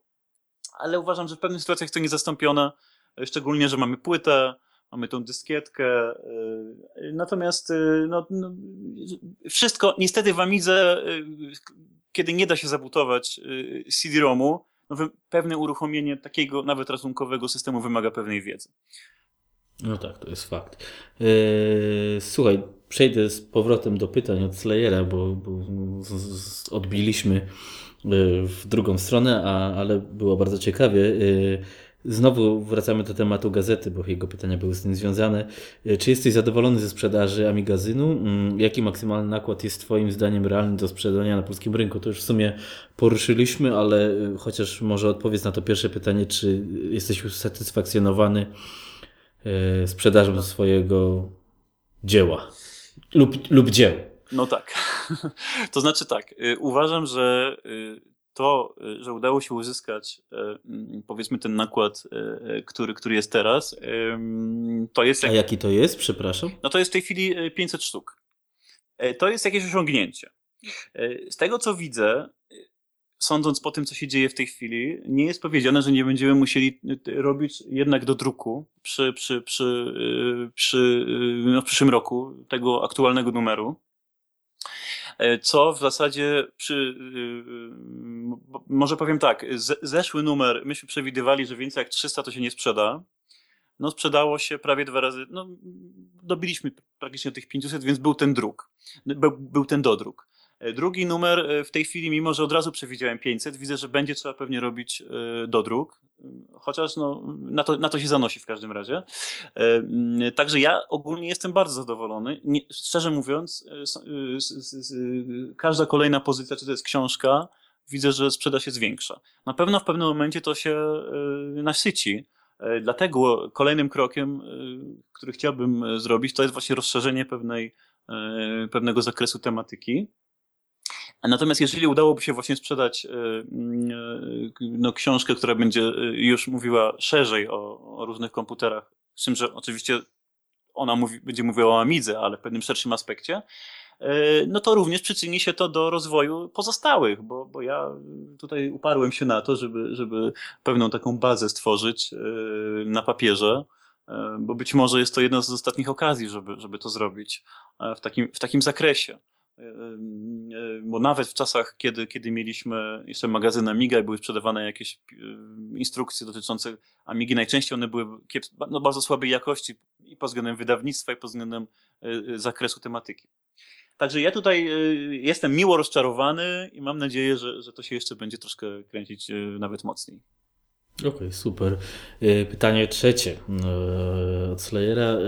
Wiem, że mamy wolny rynek, ale czy nie uważasz, chociaż teoretycznie, że w Polsce mimo wszystko mm, zamiast dwóch amigowych gazet, czyli z, forma, e, z portalu PPA i Amigazynu, e, rozsądnie byłoby zainicjować, e, zainicjować i wydawać z, większym rozmachem jeden wspólny projekt, mm, projekt łączący w sobie oba te pisma.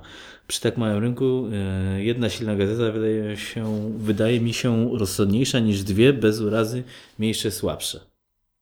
Mogę tylko powiedzieć, że ja bardzo bym chciał, żeby połączyć siły, tylko tyle, że z wielu powodów jest to średnio wykonalne. To znaczy, ja już abstrahuję od pewnych, no niestety w naszym, naszym środowisku podziałów, bo one, bo myślę, że te podziały można by było jakoś, jakoś w pewien sposób zakopać. Natomiast tutaj główny, główny problem polega na pewnej organizacji, tak? To znaczy ja przyjąłem, że Amigazyn jest kwartalnikiem i, i on jako kwartalnik no, opóźnień nie będzie miał. Natomiast gdybyśmy mieli współpracować z, e, na zasadzie takiej, że łączymy dwa, dwa pisma, nie sądzę, żeby udało nam się w tej formule po prostu uzyskać terminowość. Bo zwróćmy uwagę, że przy PPA, z tego co ja się orientuję, Y, y, materiały są zbierane y, od ludzi, którzy po prostu zgłaszają się samo, samoczynnie, samorzutnie, że tak powiem. W związku z tym to powoduje, że to jest bardzo nieregularne, mm, bardzo nieregularne drukowanie, powiedzmy. Natomiast w przypadku Amigazynu, jeżeli mi brakuje tekstów, ja staram się pozyskać nowe osoby, a czasami nawet dopisać jakieś teksty lub po prostu drukować to, co na przykład, bo też mam takąś pulę tekstów, które, z których na razie rezygnowałem, a potem stwierdziłem, że no, e, e, jednak, e, jednak się tym zajmę. Także jeżeli byśmy mieli przyjąć tego typu formułę, to jak najbardziej. Natomiast no, wtedy PPA już byłoby już zupełnie czymś innym niż, niż taką papierową wersją portalu. Dlatego uważam, że jeżeli ktoś jest zainteresowany pisaniem demigazynu, to zapraszam do, do współpracy, po prostu do zgłoszenia się do nas. Natomiast jeżeli komuś bardziej odpowiada formuła PPA, no to nie sądzę, żeby, żeby chciał to zmieniać. Także ja z tego też względu w Amigazynie e, nie chcemy raczej pisać o Morfoesie, żeby e, po prostu tematyka się nie pokrywała. No ale gdyby się okazało na przykład, że, jedno, że jednak jakimś, jakąś, jakąś, w jakiejś sytuacji mielibyśmy siły połączyć, można powiedzieć hipotetyczne w tej chwili założenie, to pewnie byśmy o nim też pisali. Ja nie mam nic, nic przeciwko żadnemu amigowego systemowi, ani, ani, ani OS4, ani, ani Morfosowi, ani Arosowi. I, I nawet gdyby coś nowego powstało, to uważam, że, że każde rozwiązanie zahaczające o Amigę, o te wszystkie mm, mechanizmy, które uważam za dobre, które mogły być przekazane gdzieś dalej, e, uważam, że warto je po prostu popierać. Natomiast nikt, nigdy nie wiemy, co wyrośnie z jednego czy drugiego projektu, szczególnie jeżeli są to projekty takie oddolne, e, właściwie mm, można powiedzieć, e, tworzone przez ludzi no, hobbystycznie. I tak samo, tak samo nie wiemy, co będzie, co będzie za, za parę lat mm, z, no, z tym, co nazywamy Amigą, bo, bo w tej chwili widać, że właściwie zostaje system głównie.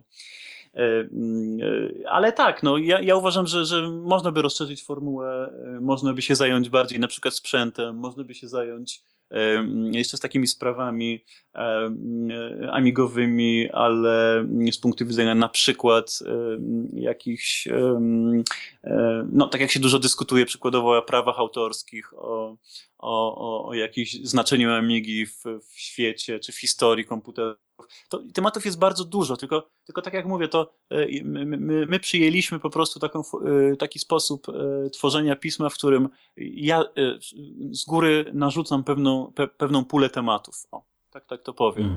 Także, także tutaj musiało Czyli być... robicie mhm. to pismo tak bardziej profesjonalnie w tym momencie de facto, no? De facto tak, bo ja, znaczy ja już się w ogóle przekonałem z różnych projektów, które robiłem w życiu, bo to były nie tylko projekty powiedzmy wydawnicze, e, że po prostu jeżeli nie ma kogoś, kto zawiaduje całością, kto narzuci pewien rytm, nawet jeżeli on jest trudny do spełnienia, nawet jeżeli by się to wiązało z, z, z, no, z pewnymi takimi jakimiś nieoczekiwanymi E, e, wydarzeniami i jakimiś czynnościami, które trzeba robić, mimo że w ogóle nie, nie było wiadomo, że będzie trzeba, e, no to po prostu się wszystko rozmywa.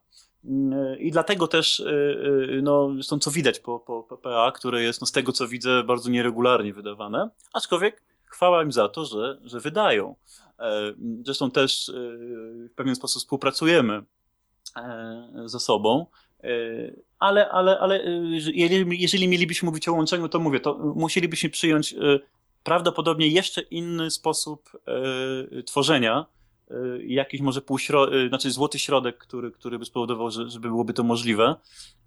Natomiast no, nie wydaje mi się, żeby, żeby w tej, tak jak teraz w obecnej sytuacji, żebyśmy mogli to po prostu razem, razem robić. To jest zbyt różny, okay. zbyt różny sposób po prostu tworzenia. Okej, okay. znaczy rozumiem podsumowując tak, że jeszcze mm, żadna ze stron nie komunikowała się w tej sprawie. Ani wy z nimi, ani PPA z wami. Nie do końca. Ja mam kontakt z paroma osobami i pewne, pewne takie, powiedzmy, rozmowy czy, czy, czy jakieś um, propozycje padły. Może nie konkretne, ale powiedzmy jakieś może rozmyślania na temat. Różne oczywiście, bo to dotyczy, dotyczy nie tylko czy amigazynu, ogólnie różnych projektów, które, e, które jakby są, są planowane, bo tutaj ja chciałbym też pewne rzeczy robić, o których jeszcze nie będę mówił, bo, bo kompletnie nie wiem, czy się uda, ale które jakby wykraczają poza to, co jest teraz. E, I jakieś tam rozmowy, jakieś propozycje y, przynajmniej są.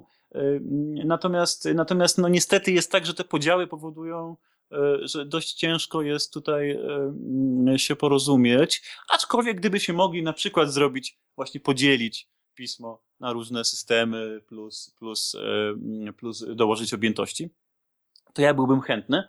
Tylko mówię, wymagałoby to rezygnacji z, z pewnych wypracowanych już wcześniej yy, sposobów yy, pisania, drukowania, w ogóle tworzenia całości. Także jest to ciężkie. Ale zobaczymy, co przyniesie czas. Okej. Okay. Słuchaj, tak się zapytam, bo rozmawialiśmy wcześniej.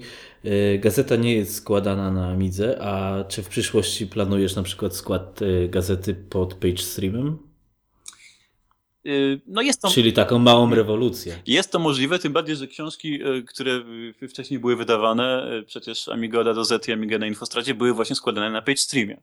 E, także może powiem tak, jeżeli by, byśmy mieli osobę, która byłaby w stanie składać to na Amidze, to czemu nie? W tej chwili jest osoba, która, która zajmuje się składem, robi to na, na Linuxie. E, y, natomiast, natomiast y, PayStream jak najbardziej jest też możliwe. E, y, natomiast, natomiast no dzisiaj, dzisiaj o tym kompletnie nie myślałem, tak? To znaczy po prostu e, sprawdza się to, co zaproponowaliśmy na początku. Jeżeli by się okazało, że będziemy rozszerzać grupę osób, która zajmuje się pismem, to być może nastąpi jakaś sytuacja, w której ten skład mógłby się zmienić. A tym bardziej, że PageStream ma, ma, ma wersję i na Windowsa, i na Linuxa, i na Maca, z tego co się orientuje. E, natomiast no, na razie to jakby to jest jakby sprawa techniczna, którą na razie, e, którą na razie odkładamy na bok. Zresztą tak jeszcze wracając do historii, przecież Amig Amigowiec, świat gier komputerowych też kiedyś były składane na, na Amidze na PageStreamie właśnie. Byłoby to ciekawe no, na pewno. Tak, tak, właśnie, bo to jest jeden z nielicznych takich sensownych programów pod Amigę, cały czas rozwijanych, więc... No ja bym powiedział, że no. programów to jest dużo, natomiast jeśli chodzi o skład, no to oczywiście tak, to jest jeden z... Zresztą y, y, ja kiedyś zacząłem korzystać, y, do, przez pewien okres korzystałem z PageMakera i właściwie jakby porównać te dwa programy, to praktycznie ktoś, kto pracował na PageStreamie może zacząć od razu w PageMakerze i na odwrót, a przynajmniej jeżeli mówimy o programach równoległych e, mniej więcej e, czasowo, czy nawet PageMaker późniejszy, lekko. Także myślę, że, że byłoby to możliwe zrealizowania, ale mówię, to nie jest priorytetem. Mnie się wydaje, że najważniejsze jest to, żeby, żeby pismo było terminowe, żeby były jak naj, coraz ciekawsze teksty, żeby ten poziom był lepszy, a jeżeli już to wszystko osiągniemy i będziemy mieli rzeczywiście jakąś nadwyżkę tej mocy, można powiedzieć, to, to, to, zaczniemy, to zaczniemy mm, myśleć może nad zmianą takich kulis, ale to, to na pewno za wcześnie o tym mówić w tej chwili. To tak, z ciekawości. E, słuchaj, no w sumie nie wiem, może od razu przejdę do, bo już o gazecie, o, o Twoich mm, wydawnictwach czy publikacjach wiemy wszystko. Na początku nie powiedziałem, może z, powiem linka do Twojej strony. Jest to dość proste, adamzalepa.pl i tam wszyscy mogą sobie znaleźć i, i od razu zakupić i, i, i gazetę, i książki. Yy, właśnie, tak patrzę na tą stronę. De facto napisałeś podręcznik do Directory Opusa 5. Czy go używasz? No tak, yy, Jako takiego, ale jako yy, desktop replacement, tak? To jest chyba ta, ta funkcja. E, tak? tak. Ja w ogóle Opusa od, jako, jako właśnie za, zastępujący Workbencha, mówiąc, e, mm, mm, używam od bardzo, dłu, od bardzo długiego czasu. Praktycznie jak tylko pojawiła się wersja 5, no nie pamiętam czy od 5.0, ale, ale zaraz tych wczesnych wersji 5 używałem. Uważam, że jest to fantastyczny kawałek e, softu i, i e, jeden z najlepszych programów na Amidze, który, który, który możemy mieć, a który jednocześnie e, jak najmniej, można powiedzieć, musi, musi przejść zmian, żeby można go było używać teraz, no bo programów do zarządzania plikami wiadomo, e, właściwie funkcje się mało zmieniają, można do, do, dokładać nowe, ale w, w opusie dołożenie nowych funkcji to żaden problem. W związku z tym e, właściwie no to, to, co widać zresztą, że powstały nowe wersje na nowe systemy przecież, może nie, nie, nie tak dopracowane, ale jednak widać. To jest moim zdaniem w ogóle jeden z najlepszych, jeżeli że osobiście to jest najlepszy menedżer plikowy, jaki używałem na dowolnym komputerze. Natomiast no, biorąc pod uwagę, że ludzie mają różne, różne potrzeby, na pewno jest to jeden z najlepszych programów tego typu, który powstał. No teraz jest na wersji Windowsowej, ale o niej, o niej nie będę może mówił. No, Windowsowej ja, próbowałem, ale jakoś mi to nie podeszło de facto. Ja też próbowałem i właściwie widzę, że z opusa amigowego w Windowsie została głównie y, definicja listera. Albo nazwa. Tak, ale nie no, listery działają podobnie. To znaczy same funkcje listerów, źródłowy, docelowy. Natomiast, y, natomiast y, no mnie Opus bardzo, bardzo dużo pomógł. E, na przykład miałem kiedyś taką sytuację jeszcze w czasach, kiedy internet e, był no, dużo wolniejszy, prawda, i dużo bardziej problematyczny niż teraz, kiedy miałem sporą część danych do przegrania z jednego serwera FTP na drugi. No i, i, i w Opusie można sobie uruchomić dwa listery z dwoma różnymi serwerami FTP i po prostu przegrać dane. Wiadomo, wiadomo, że dzieje się to z, z, pewnym e, pośrednictwem naszego sprzętu, ale jednak było to dużo szybsze wtedy niż e, ściągnięcie do siebie i przegranie na drugi, drugi komputer. Ja to się nawet zastanawiam, czy wiesz, bo teraz na przykład są popularne dyski sieciowe, nie? NASy i tak dalej.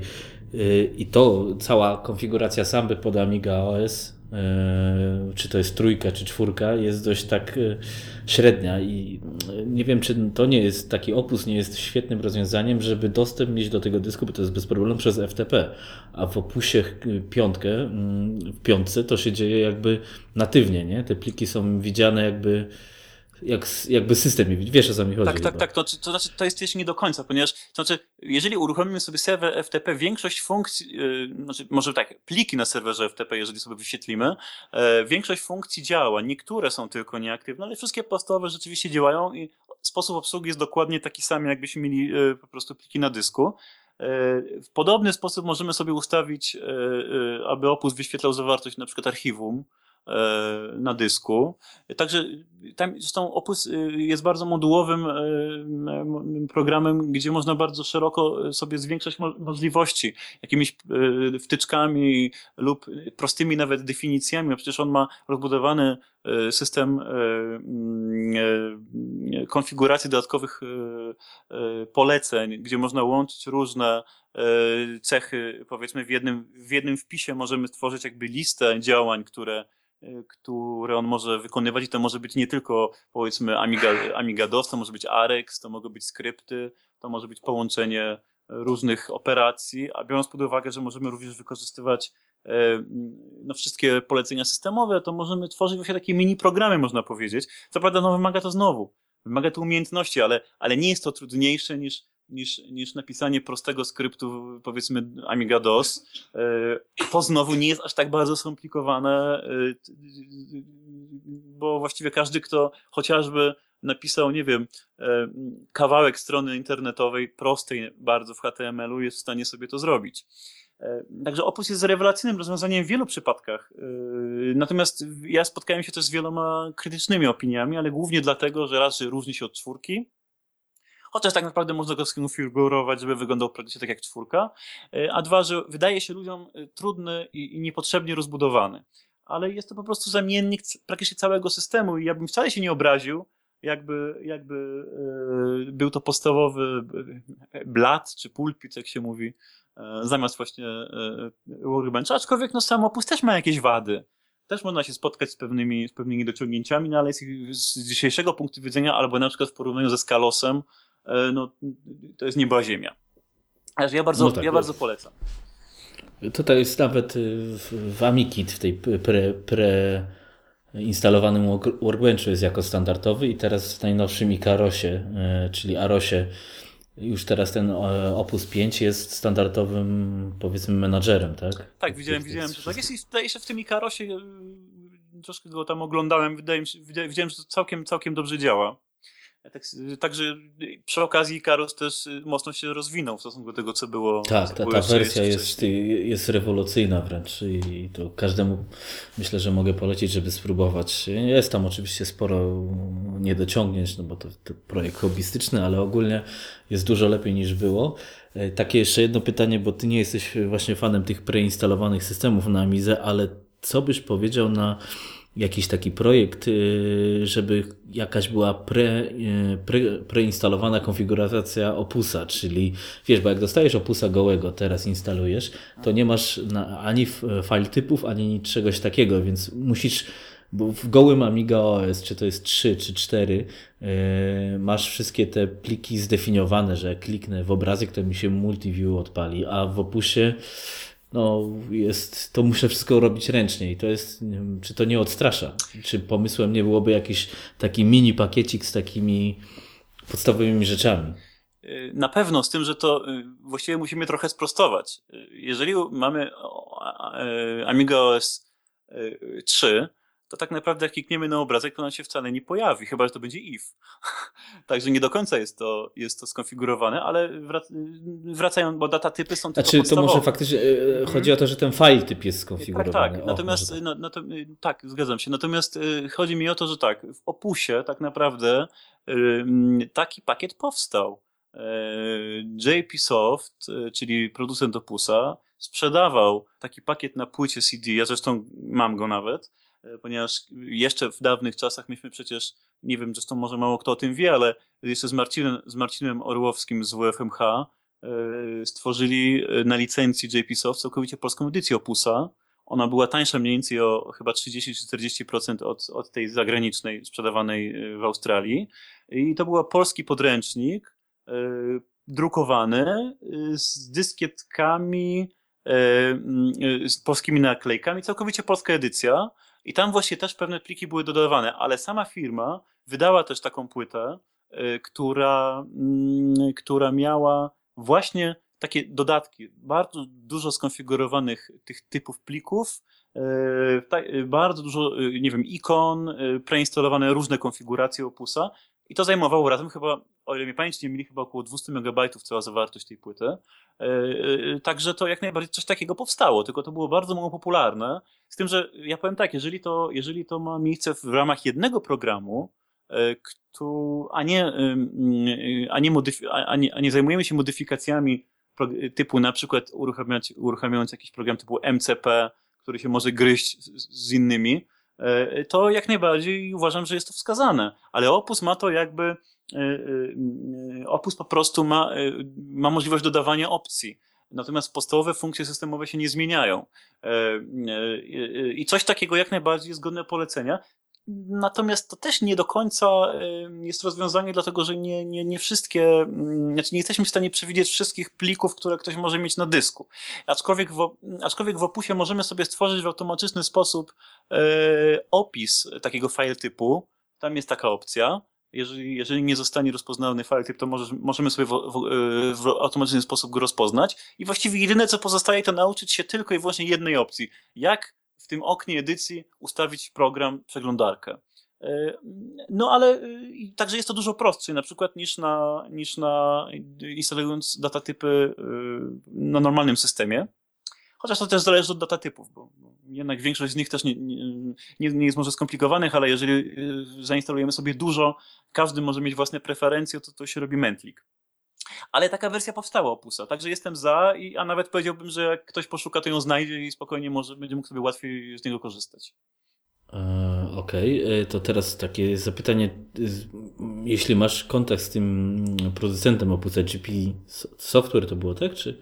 Tak, no my, my dostaliśmy, znaczy dostałem licencję y, od nich bezpośrednio właśnie przy druku książki, E, właściwie jest to oficjalny podręcznik przez nich zaakceptowany e, na, właśnie dla Polski. Okej. Okay. E, czy nie, nie można by było do Twojej gazety zrobić właśnie takiej płyty Magellana, znaczy to nie Magellana, Opusa, to Magellan to była jedna z wersji jako ekskluzyw.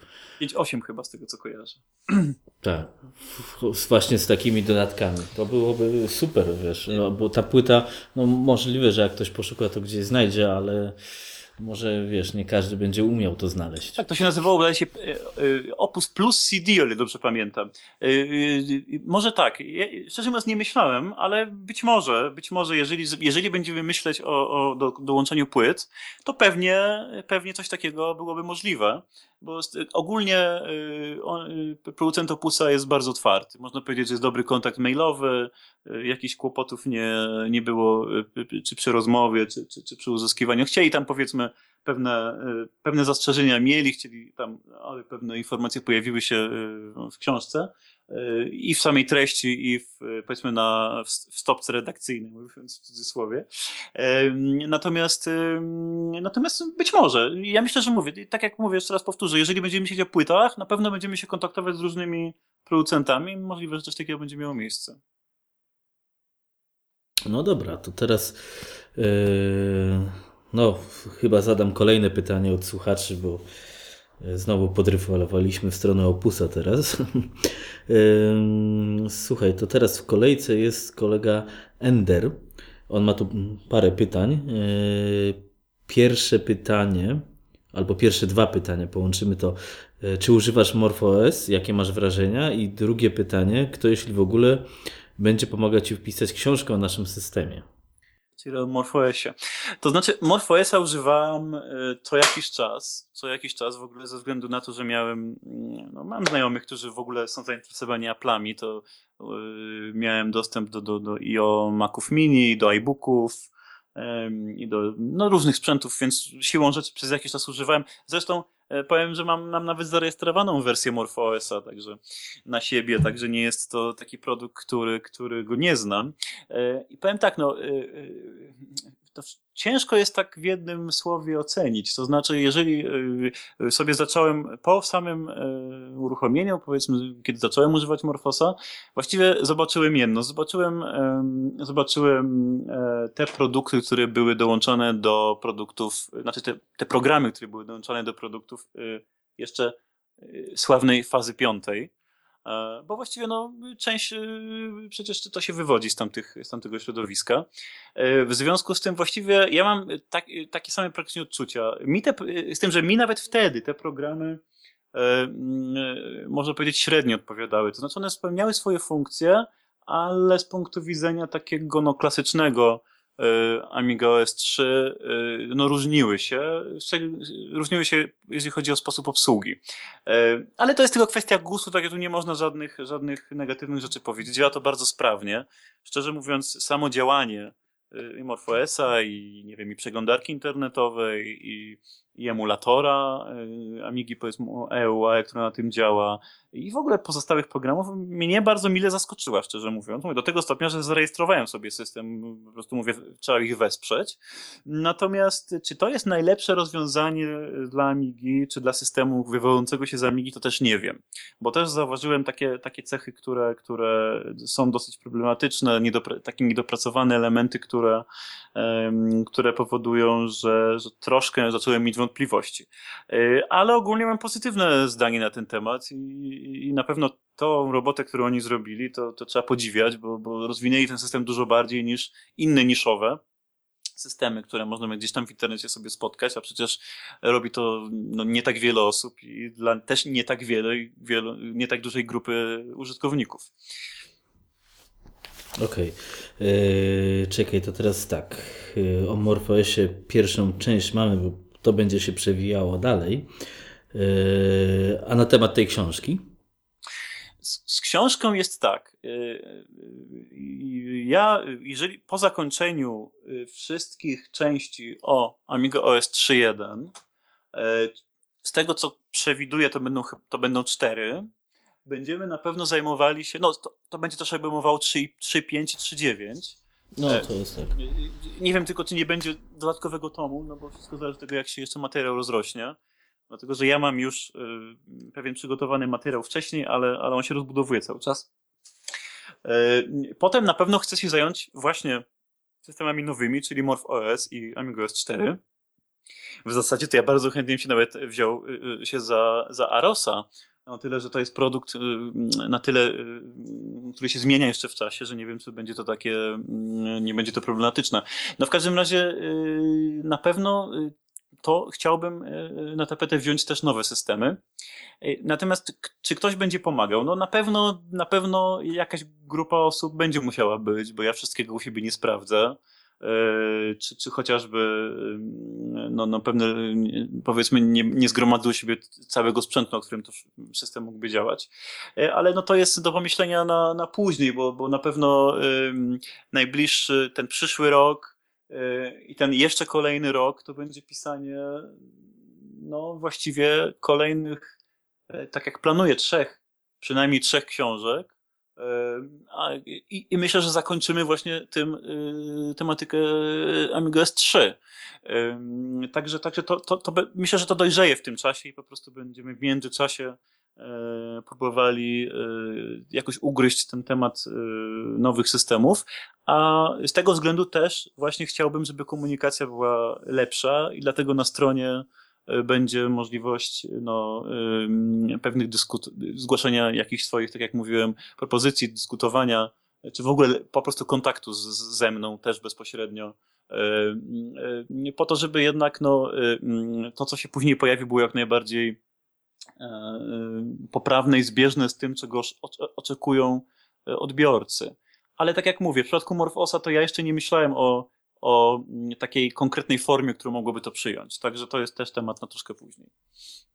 Okej. Okay. Yy, hmm. Czyli teraz przejdziemy do kolejnych pytań od naszego tutaj kolegi. Rozpisał się. Yy, kolejne pytanie ma na temat książki o tworzeniu gier dla Amigi. Starej, nowej z chipsetami, z, z kartami graficznymi i tak dalej. Czy coś takiego planu- planujesz kiedyś? Mnie się w ogóle temat programowania bardzo yy, podoba, żeby, żeby, żeby rzeczywiście zająć się tym na papierze. Na razie w Amigazynie będzie troszkę więcej o programowaniu. Co prawda yy, ujęliśmy to w takim E, w takim, takiej formie, e, która będzie mówiła o takim e, jak najprostszym sposobie programowania, ale, ale zgodnym systemem. Także będzie to, można powiedzieć w cudzysłowie, że prawie jak w Amosie, ale jednak systemowo. Natomiast jeżeli chodzi o programowanie czegoś, czegoś więcej, mnie to kusi, tylko że to wymagałoby no, kolejnej pracy, w związku z tym, jeżeli by się okazało, że, że, że, już skończymy te tematy, które są, które są planowane wcześniej, e, a dalej jest zainteresowanie i, i rzeczywiście e, no, ta sprzedaż e, nie, nie, skończy się z którymś, którąś edycją, to myślę, że w pewnym momencie na pewno dojdziemy do programowania. No tylko, że mm, tak jak mówię, no to, to, to, to, wymaga, to wymaga kolejnego czasu, a poza tym ja bym tutaj widział bardzo chętnie współpracę kilku osób y, znanych bardziej w środowisku, które programują, tak żeby to była wtedy praca powiedzmy bardziej zbiorowa. Ja bym to w ten sposób widział, bo myślę, że jedna osoba nie, nie, nie, nie, nie jest w stanie ciekawie i w taki kompleksowy sposób y, omówić wszystko. A tak to gdyby połączyć rzeczywiście programowanie pod system, opisywać też programowanie pod chipset, E, mogłoby mieć to jakiś skutek, ale no zobaczymy, zobaczymy. E, e, jako pracę zbiorową faktycznie widziałbym to pozytywnie. Okej, okay. to teraz ja do tego dorzucę swoją cegiełkę.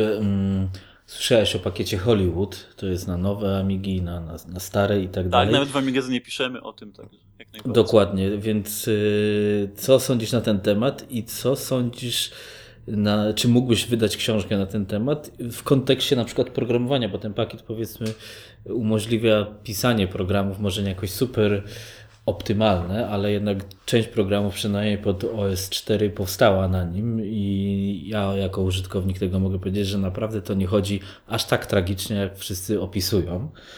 A wydaje mi się, że to jednak w tak małym środowisku, z tak małą ilością programistów, E, jest to jedna z możliwości stworzenia jakiejś nowej gry na Amidze i czy w ogóle stworzenie czegokolwiek jeszcze komercyjnego, czy nawet niekomercyjnego, ale jakiejś sensownej gry więcej poza dwoma pikselami latającymi jest jeszcze realne.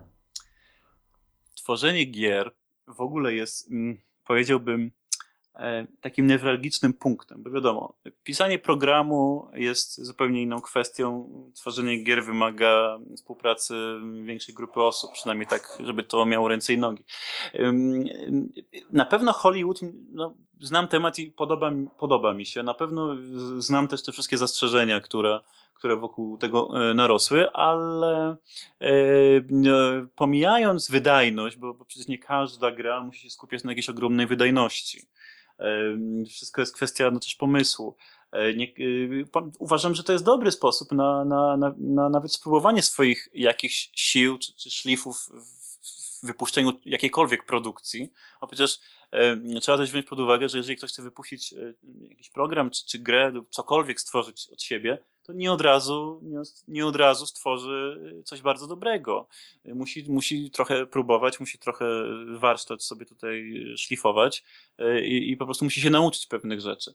Także tego typu kreatory, no, teraz mówię taką nowomową, ale no po prostu takie programy, które służą do tworzenia, kiedyś były też popularne, jakiś tam tak, e, Demo Maker no, na przykład. RSI Demo Maker, czy tam Videocreator na, na CD32.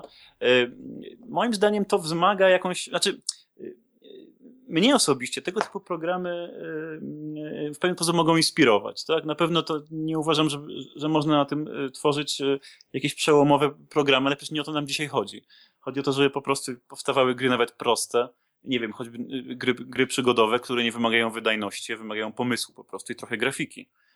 Takie powiedzmy gry typu point and click, prawda? E, więc jak najbardziej, jeżeli do takich celów, które, które nie wymagają właśnie dużej szybkości działania, to uważam, że to jest bardzo dobra rzecz. Tym bardziej, że z tego, co się orientuję, to e, można również te kody e, kompilować chyba dla, dla Windowsa z Hollywood. Tak, macOS też. No właśnie, więc można pokazywać to na różnych komputerach, próbować sprzedawać. I Także no, no, uważam, że, że, jak najbardziej. Tylko tyle, no, że ludzie bardzo często traktują tego typu y, edytory jako bardzo prosty sposób napisania gry czy programu, a y, no, okazuje się, jak się wejdzie w to, że, że nie jest aż tak prosto, ale na pewno to trochę ułatwia. Także y, z tego punktu widzenia do tych projektów, tak jak mówię, do tych projektów, które, które nie wymagają wydajności jakiejś ogromnej, to ja bym, ja bym mógł polecić, żeby chociaż poznać, spróbować temat. Tyle, że z tego, co się orientuję, yy, chyba, chyba yy, przez jakiś czas był kłopot nawet ze skupieniem Hollywood, yy, ale to chyba już ustąpiło. Także, jeżeli tylko jest możliwość, to jak najbardziej. E, bo Hollywood oferuje też język skryptowy i poza tym właśnie jest ten designer, mhm. który umożliwia, ja jeszcze nie użytkowałem, sam się zastanawiam, czy by nie kupić i nie pobawić się, y, umożliwia wyklikanie, tak? Czy ja, ja... Tak, tak. To znaczy, ja też y, muszę przyznać, że używałem tak y, pobieżnie, ale, ale tak, tam jest możliwość rzeczywiście łatwego tworzenia interfejsu, no bo w, w sposób taki typowo skryptowy to jednak trwa. I później spinanie tych elementów. Można powiedzieć, że to troszkę działa podobnie może jak edytory interfejsu, które potem można spinać skryptami Arexa. No oczywiście to jest zupełnie inny sposób, ale, ale to też jest język skryptowy. No tyle, że jest to bardziej rozbudowane i tam jest więcej, więcej możliwości. Tam można przecież e, no, różne moduły służące jakby do tworzenia różnych elementów. Także bardzo przyspiesza pracę w pewnych sytuacjach, ale, ale no i tak naj, naj, najszybciej, e, naj, najszybszym sposobem stworzenia jest, jest dobry pomysł. Bez dobrego pomysłu, no to, no to w czymś takim też, też właściwie nic wielkiego, nic dużego się nie stworzy. No dokładnie, potrzeba też um, ja... ludzi, czyli niezłego grafika, jakiegoś muzyka, bo, tak. bo, sam, sam, sam zawodnik nie zrobi niczego. Y, to prawda, chociaż ja y, uważam, że w pierwszym, pierwszym rzędzie to jest pomysł. Wystarczy sobie przypomnieć y, przykład na przykład gry Another World. Y, przecież to w zasadzie zrobiła jedna osoba, y, a gra jest przełomowa i, i, i, i ogólnie rzecz biorąc została w historii odnotowana bardzo pozytywny sposób. Także najważniejszy jest pomysł. E, ja mogę powiedzieć coś takiego. Kiedyś w dawnych czasach też e, właśnie tak z punktu widzenia grupy osób, e, bo z jednej strony ważny jest pomysł, ale z drugiej strony rzeczywiście, rzeczywiście no, w pojedynkę jest trudno. Ja sam kiedyś właśnie tworzyłem, brałem udział w tworzeniu gry, która się nigdy nie ukazała, właśnie z powodu braku grafika muzyka była, gra działała, a grafika była dalej czarno-biała, jakieś przykładowe wstawione elementy. Ale jeżeli ma się dobry pomysł i, i, i zaakceptuje się ograniczenia takich, takich edytorów, to można coś ciekawego zrobić na pewno. Okej, okay, a myślisz, że w Polsce jest coś takiego realnego do stworzenia? Czy ludziom się jeszcze coś chce tworzyć? No z tego, co ja obserwuję, nie tylko w środowisku amigowym, tylko w ogóle wśród ludzi, których się tam powiedzmy spotykam, to uważam, że jest bardzo, bardzo dużo ludzi, którzy, którzy chcą coś tworzyć. Tylko problem polega na tym, że ci ludzie bardzo często e, obijają się mm, o taką prozę życia. To znaczy, z jednej strony nie mają na tyle dużo czasu, żeby szkolić warsztat, a to wymaga jakiegoś czasu, a z drugiej strony no, po prostu życie im stawia jakieś e, wyzwania, tam problemy i, i, i takie rzeczy, które ich odciągają od tego tematu. E, także tu, tu trzeba być po prostu duże zaangażowanie.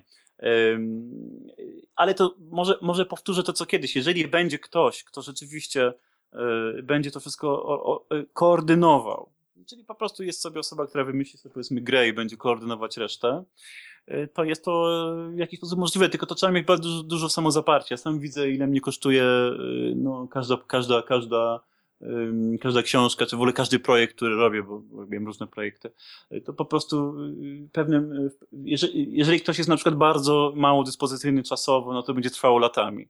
Ja mam to szczęście, że, że, że pracuję w nienormowany sposób, jak się na zlecenie, wykonuję różne projekty i są momenty, że mam po prostu bardzo dużo czasu których mogę się skupić na przykład na skończeniu, dokończeniu na przykład książki, nie wiem, czy, czy zrobieniu jakichś innych rzeczy, które, które są wymagane do konkretnego projektu. Dlatego dobrze by było, żeby ktoś po prostu zajął się koordynacją takich działań, e, nawet przez internet. Przecież tyle dzisiaj mówi się o społecznościowym charakterze internetu, że zresztą Amiga w moim przekonaniu od bardzo dawna.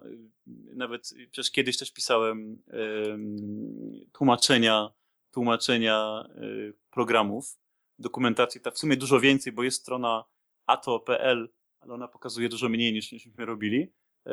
I, to sposób taki właśnie typowo społecznościowy, przed w ogóle y, erą, kiedy się o tym zaczęło mówić.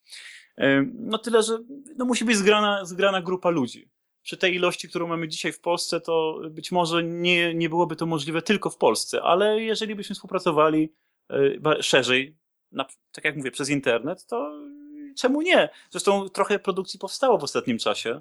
Może nie są najwyższych lotów, um, ale jednak powstało. Chociaż na przykład taki Solid Gold, który sobie trochę pograłem, dla mnie ma wszelkie cechy dobrych gier sprzed lat. No ale to jest moja opinia.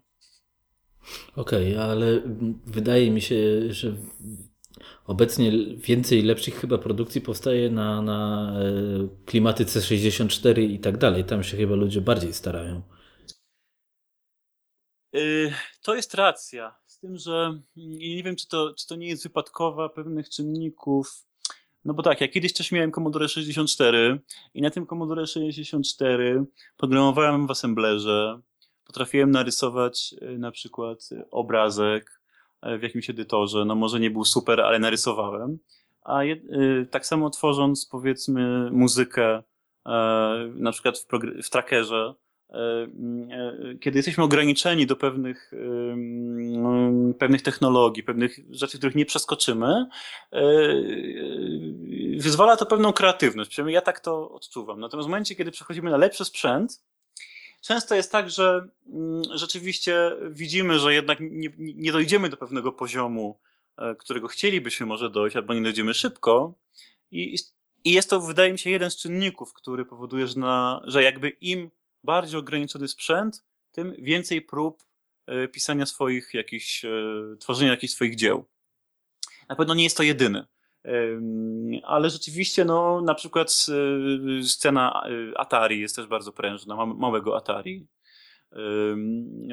Czasem jak, jak patrzę na ilość tego, co się pojawia i na jakość, albo chociażby to, co ostatnio widziałem na Commodore Plus 4, różne dema, bo Commodore Plus 4 też kiedyś miałem, no to trzeba przyznać, że, że, że tam to są wyśrubowane bardzo no, algorytmy zoptymalizowane, wygląda to bardzo dobrze. Gdyby tyle samo e, e, e, przyłożyć zaangażowania do, do produkcji na Amigę, byłoby pewnie lepiej, tylko że w przypadku Amigi jest troszkę tak jak w przypadku PC-ta, że możemy sobie mieć lepszy model tej Amigi. no nie do końca. W pewnym stopniu się to kończy, ale jednak możemy mieć. W Commodorku, czy, czy, czy, czy, czy, czy w Spectrum, czy, czy, czy właśnie w Plus 4, 64, czy Atari, no po prostu można rozbudowywać ten sprzęt, ale jednak to są takie dosyć ograniczone możliwości. A w Amidze, no jeżeli porównamy zwykłą Amigę 500 do powiedzmy PowerPC, gdzie Quake jest w stanie się uruchomić, no to często jest tak, że ludzie już przechodzą na wyższe modele, y, szybszy sprzęt, a, a później się okazuje, że na tym sprzęcie już nie są w stanie pewnych projektów zrealizować tak, jak planowali.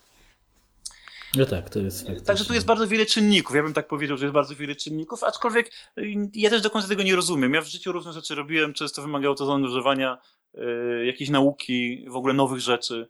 Jeżeli ktoś lubi wyzwania, lubi w ogóle Y, poznawać nowe rzeczy, a przy okazji ma troszkę czasu, bo to jednak wymaga. No, ktoś tu prawda, pracuje 12 godzin na dobę, nie, no, trudno wymagać, żeby miał zaangażowanie jeszcze dodatkowe.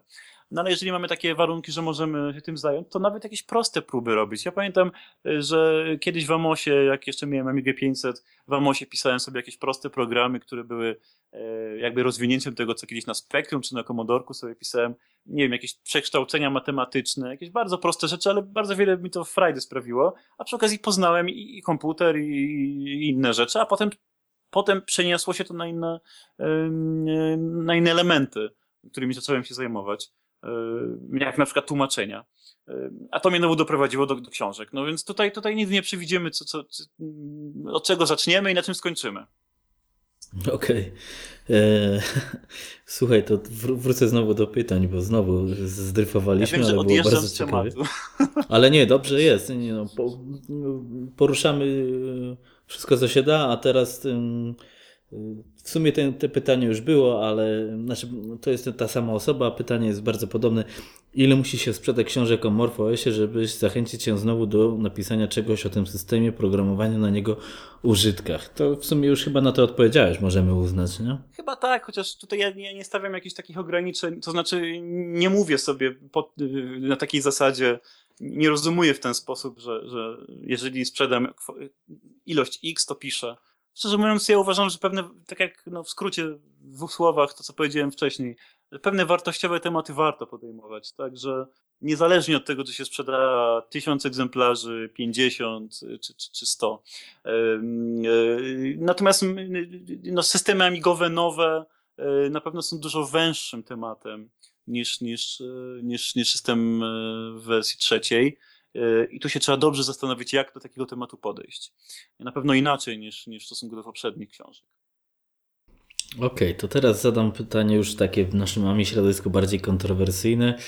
E, nie wiem, czy nie połączę to z pytaniem od razu Paralaksa, mm, bo to będzie w sumie, no w sumie się pokrywa, więc e, Ender zadał pytanie, e, mm, co wybrałbyś systemów Aros, Amiga OS 4 i MorphOS, gdybyś miał zbudować najlepszy amigowy system, to w sumie możemy podzielić te pytania, zostawić oddzielnie.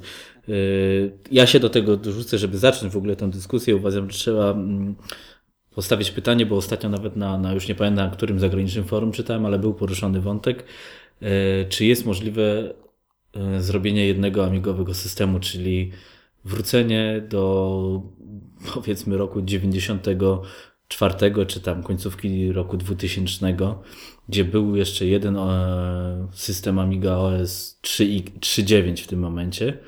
No i potem się rozjechaliśmy wszyscy w trzy strony świata, powiedzmy. No i teraz pytanie jest, czy można do tego wrócić? Czy można się znowu połączyć, stworzyć coś nowego, ale jednak razem? E, no, jak pokazuje historia, e, byłoby to możliwe, gdyby znowu powrócę, był jakiś ośrodek, który to wszystko spina razem. No przecież to, że pojawił się Morphos oddzielnie od Amigos 4, y, już nie wdając się w szczegóły, było spowodowane tym, że po prostu obie grupy się nie porozumiały, bo każda widziała jakąś wartość swojej pracy, którą włożyła. Wszystko jedno, ile tej pracy włożyli, bo to nie ma co się licytować, ale każda jednak włożyła jakieś zaangażowanie i nie chcieli zrezygnować po prostu ze swoich rozwiązań na korzyść tej drugiej osoby, czy drugiej grupy. Ale gdyby e, ktoś rzeczywiście skoordynował tą pracę, czyli po prostu trzeba, trzeba rozpocząć burzę, burzę mózgów i, wypisać pewne cechy, które, które rzeczywiście w systemie muszą się znaleźć i dopiero potem dopasować do tego um, ludzi, którzy mogą, mogą coś włożyć, stworzyć coś nowego. E, to wymagałoby po prostu finansowania.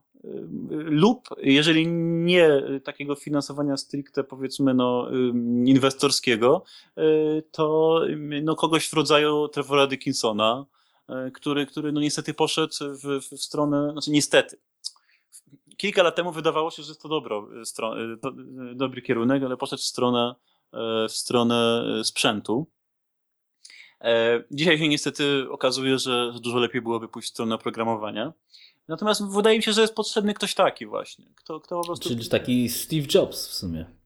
To znaczy... Wszystkich, wszystkich za mordę i powiedzieć, to ma być tak, a nie inaczej. No to musiał być ktoś, kto ma autorytet, tak? Kto ma autorytet na tyle duży, że, że to, znaczy to mógłby być na przykład ktoś, kto, kto, kto był, nie wiem, jednym z konstruktorów Amigi, tak? Tak jak Dave Haney na przykład, ale wiadomo, że to są ludzie, którzy się nie zajmują już tym tematem praktycznie. Natomiast no, dopóki będzie tak, że i jedna i druga grupa y, y, y, kurczowo się będzie trzymać swoich rozwiązań, dopóki, dopóty ten podział będzie.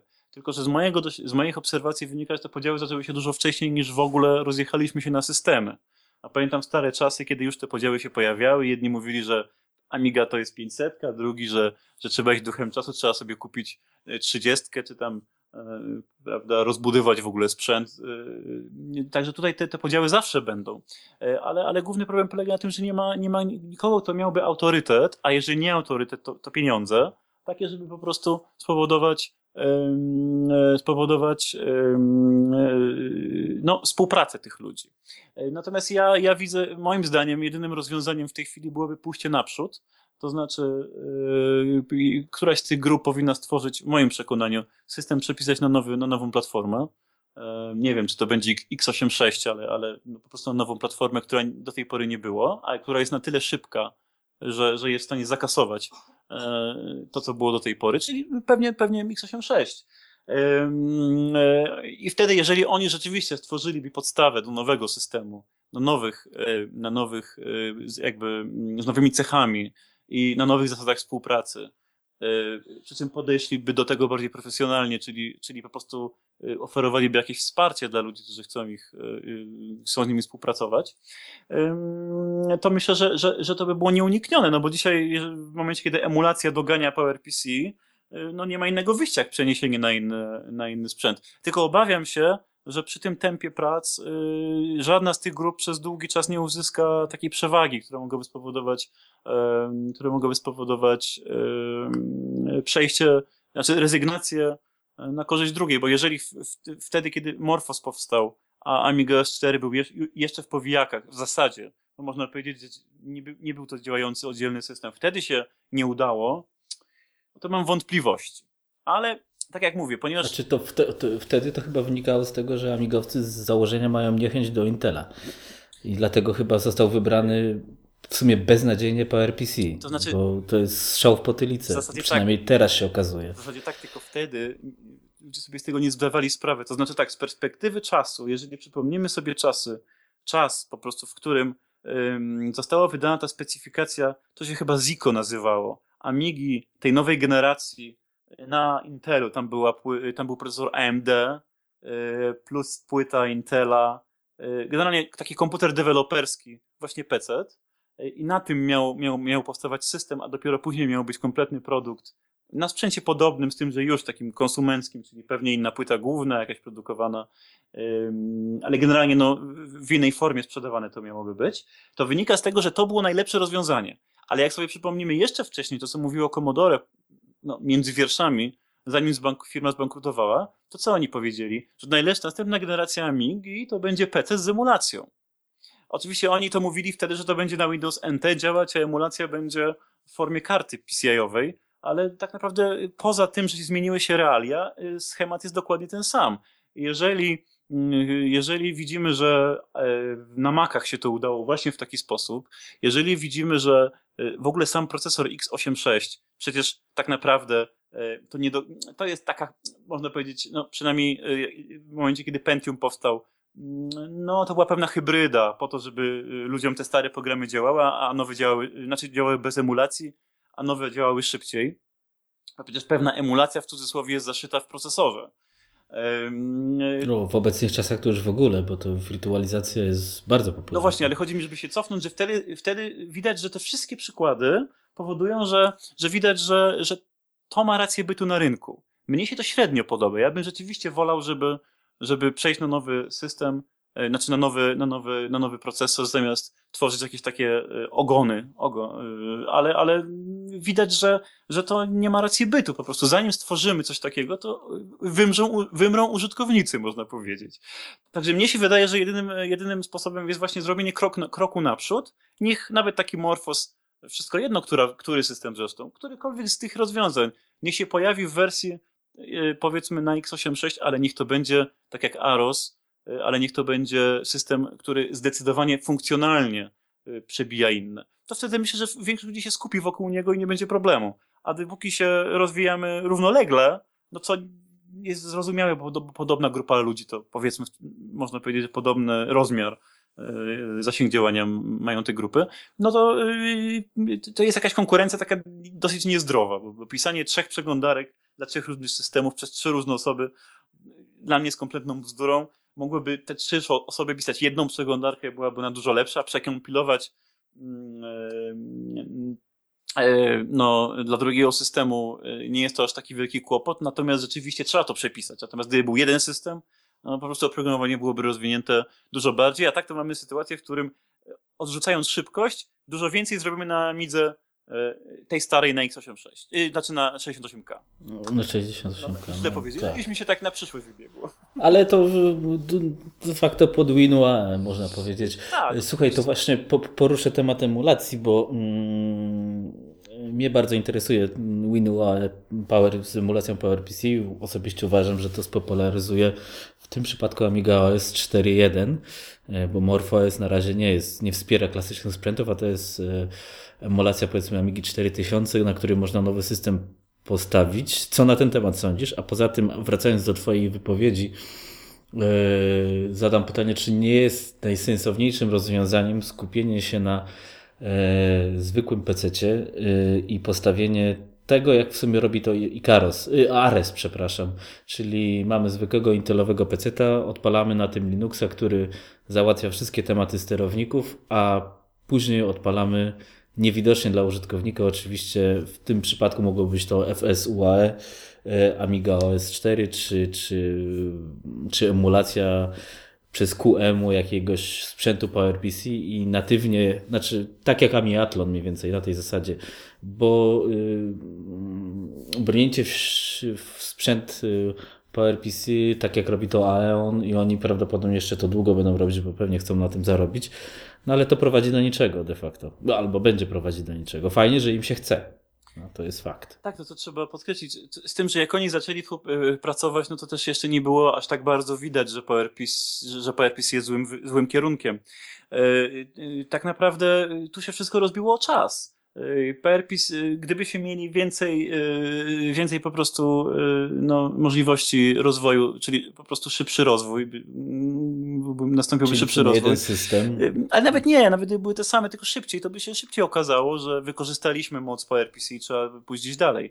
A dzisiaj rzeczywiście, z perspektywy czasu, ja tak uważam, trzeba wykorzystać platformę, która jest masowa, która jest tania, która jest szybka, czyli to jest x86 i szczerze mówiąc, z tego punktu widzenia nie, nie bardzo rozumiem, e, dlaczego nie można oprogramować raz na 5 lat jednej płyty głównej PC-owej, czy nawet Maca Mini pod Intela, no wszystko jedno. W każdym razie przepisać znaczy ja te, Przepraszam, wejdę ci, mhm. ci w zdanie. Dla mnie y, świetnym rozwiązaniem by było właśnie skupienie się na na przykład Macu Mini lub na Chromebooku. Z racji tego, że to ma jeden producent robi ten sprzęt, nie musisz tak jak Aros próbuje opanować wszystkie pecety, bo to się nie da. No tak. Trzeba zrobić to tak jak robi to Apple. Mam trzy komputery, na których mam system, tak jak kiedyś to robiła Amiga.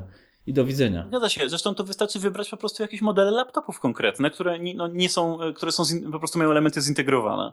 E, tego typu sprzęty są przecież dostępne E, wiele lat. E, I to jest kwestia tylko pomyślenia, jaki, który wybrać. Jak ja widzę, że dzisiaj są dostępne sprzęty sprzed 10-15 lat w dobrym stanie, to tak samo będzie za kilka lat i, i, i, ja rozumiem, że w wielu przypadkach nie da się oprogramować um, sprzętu, bo, bo y, są to jakieś sterowniki zamknięte, czy, czy powiedzmy um, umowy podpisywane między firmami i nie wszystko się da, no ale jednak w większości przypadków można to zrobić, a tak jak mówiłeś, można się oprzeć w części też na, na Linuxie, na, na sterownikach Linuxowych, przynajmniej w jakiejś części. Po prostu mówiąc w skrócie, całą tą podstawę zrobić w taki sposób, żeby Wixit i cała, czyli wybrać sprzęt, który, który jest dostępny, jednocześnie taki, jednocześnie taki, który umożliwia oprogramowanie.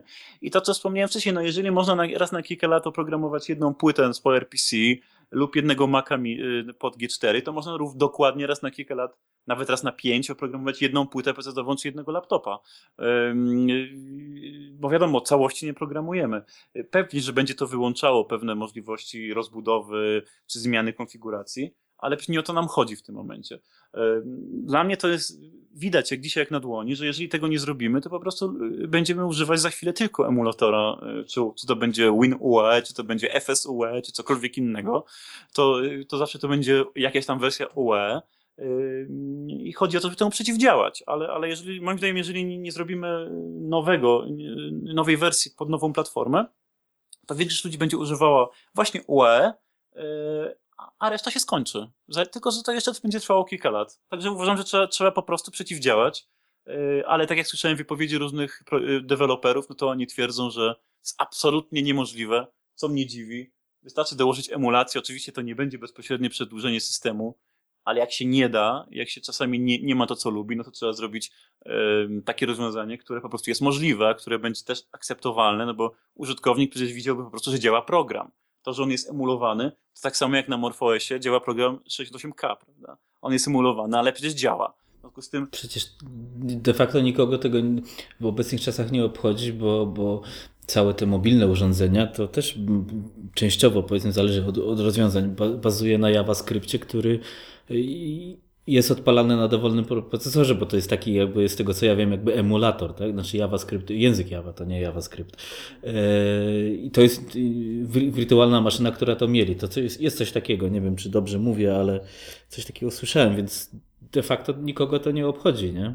Tak, no dzisiaj, dzisiaj wyraźnie widać, że chodzi o to, żeby stare programy czy nawet gry działały, po prostu działały, czyli żebyśmy na ekranie mieli e, to wyjście, które, które było kiedyś, nawet po prostu drugą emulacji ono nie będzie może doskonałe, ale będzie. Zresztą emulatory i tak są bardzo dobre już w tej chwili, ale powiedzmy, że nigdy nie będzie super doskonała emulacja. Natomiast nowe rzeczy muszą się jakby rozwijać w drugim, w innym kierunku. No bo to tak jak teraz, uruchamiając sobie nowy system, czy to będzie OS 4, czy to będzie MorphOS, nawet jeżeli program, na przykład przeglądarka internetowa działa, działa dobrze, no to działa w pewnych momentach zbyt wolno. E, dzisiaj może to nie jest widoczne na jednym sprzęcie czy na drugim, ale w końcu zacznie być widoczne. Jeżeli nie ma e, możliwości przedłużenia e, życia tych, tej platformy, to trzeba się przenieść na coś innego. Mm, I dzisiaj tak jak tak, no dzisiaj się liczy to, co mamy na ekranie. Czyli to, co kiedyś mówiliśmy, prawda, Intel Outside, to niestety obróciło się przeciwko nam. E, bo, bo tak naprawdę e, większość ludzi dzisiaj tak patrzy. E, tak jeszcze z troszeczkę innej beczki. Nie wiem, czy nie byłoby dobrym sposobem zainteresować się urządzeniami mobilnymi, typu na przykład tablety, bo tam oprogramowanie jest bardzo uproszczone w większości przypadków i myślę, że moglibyśmy coś na tym polu osiągnąć. Tylko tyle, że to no, wymagało całkowitego przeprojektowania interfejsu. Ale, ale biorąc pod uwagę elastyczność systemu, to ja nie sądzę, żeby to był jakiś wielki kłopot. E, także tutaj można wiele, wiele podejść, znaczy na różny sposób podejść do tematu, ale na pewno musi być to system na, nową, na inną platformę niż do tej pory, bo po prostu PRPC no po prostu nowego już nie będzie. To znaczy będą jakieś procesory, ale na pewno nie będą szybkościowo porównywalne z resztą rynku. No, I w akceptowalnej cenie na dokładkę. A to swoją drogą, bo jak komputer kosztuje powiedzmy minimum kilka tysięcy, E, tak jak jest przy samie, e, powiedzmy tam chyba, e, żeby mieć cały komputer, to, to musimy mieć około 3-4 tysięcy co najmniej, a możemy kupić podobno wydajny, podobnie wydajnościowy sprzęt za kilkaset złotych, czyli niech nawet będzie, że za tysiąc, jak ktoś nie chce używanego i, i bardzo, bardzo, że tak powiem, no, potraktujemy to tak wybiórczo, żeby, żeby udowodnić, że jednak on nie jest aż tak tani, jak, jak może być, no to mimo wszystko jest to i tak kilkakrotnie taniej. Także ja sam znam osoby, które mógłbym przekonać do używania systemu, nawet z próby używania, gdyby on działał na czymś szybszym, niekoniecznie na, czym, na czymś, co, co, co ktoś ma, ale na czymś szybszym. Natomiast jeżeli ktoś widzi, że system działa tylko na starych Macach, to na dzień dobry y, traktuje to jako ciekawostkę, no bo wie, że tam, tam, są, y, tam jest stary sprzęt i pewnych rzeczy się, pewnych rzeczy się po prostu nie przeskoczy. To mhm. wygląda. Czyli pozyskanie ewentualnie dla tego środowiska e, ludzi nowych, nie tylko wracających, bo obecnie widać trend, że ludzie wracają do Amigi, ale to jest praktycznie 100% wraca do Amigi klasycznej, czyli pakiet WHD, LOAD i lecimy i nikogo bardziej nic więcej nie interesuje, a tym bardziej, że rozbudowa Amigi klasycznej to zaczynają być naprawdę kosmiczne pieniądze i mhm. przy których cena takiego sama zaczyna być naprawdę atrakcyjna. E, I a mnie, mnie chodzi o to, czy jest możliwość, bo też, te, też chciałbym, żeby pozyskiwać ludzi do Amigi klasycznej, bo to jest zawsze promocja platformy, a, a marka Amiga, yy, Amiga może nie, nie, nie stricte Amiga OS, ale każdy Amigę kojarzy, czy to była 500 czy nie i, i to każdy kojarzy Amigę. No i, i to jest jeden z argumentów, żeby tą markę wykorzystać na pewno i ale się już zgubiłem, sam się zapytałem. Chodzi o to, że pozyskanie nowych użytkowników mm, jest możliwe tylko według Ciebie przez jakiś drastyczny krok, czyli nowy sprzęt.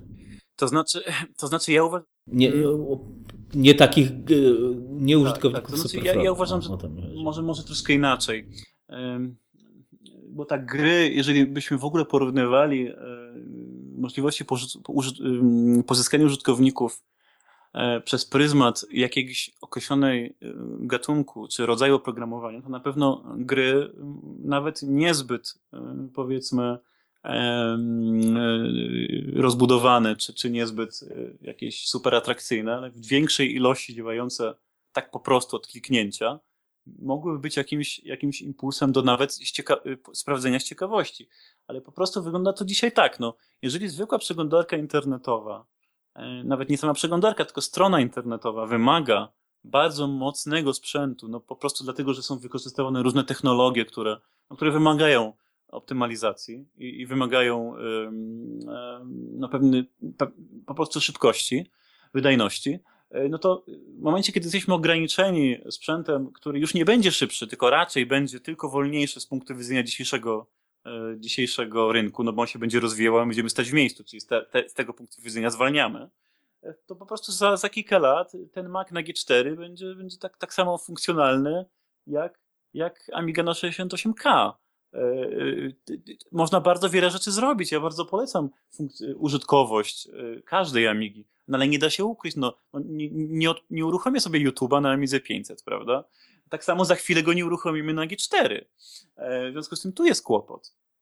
E, e, natomiast jeżeli chcemy pozyskać większą ilość użytkowników, no to musielibyśmy zacząć coś im dać. Czyli ja uważam, że trzeba im dać podstawę systemu, nawet żeby to był system, który nie ma w sobie zaimplementowanych jakichś fajerwerków, ale po prostu system, który działa, działa jest, jest opracowany według jakichś określonych zasad, jest, jest kompletny, E, i ma oprogramowany jakiś konkretny sprzęt, e, jeżeli damy taki system, plus wsparcie producenta, nawet pomoc po prostu dla deweloperów, dokumenty, dokumentację, e, materiały programistyczne i tak dalej, to wtedy część osób po prostu no, będzie jakieś programy pisała, prawda? A przy okazji będziemy mogli pewne rzeczy no, wspomagać, weryfikować, a dzisiaj, w momencie, kiedy ktoś chce pisać program dla Amigi, musi sam się zatroszczyć te wszystkie materiały. No, nawet nie ma żadnej,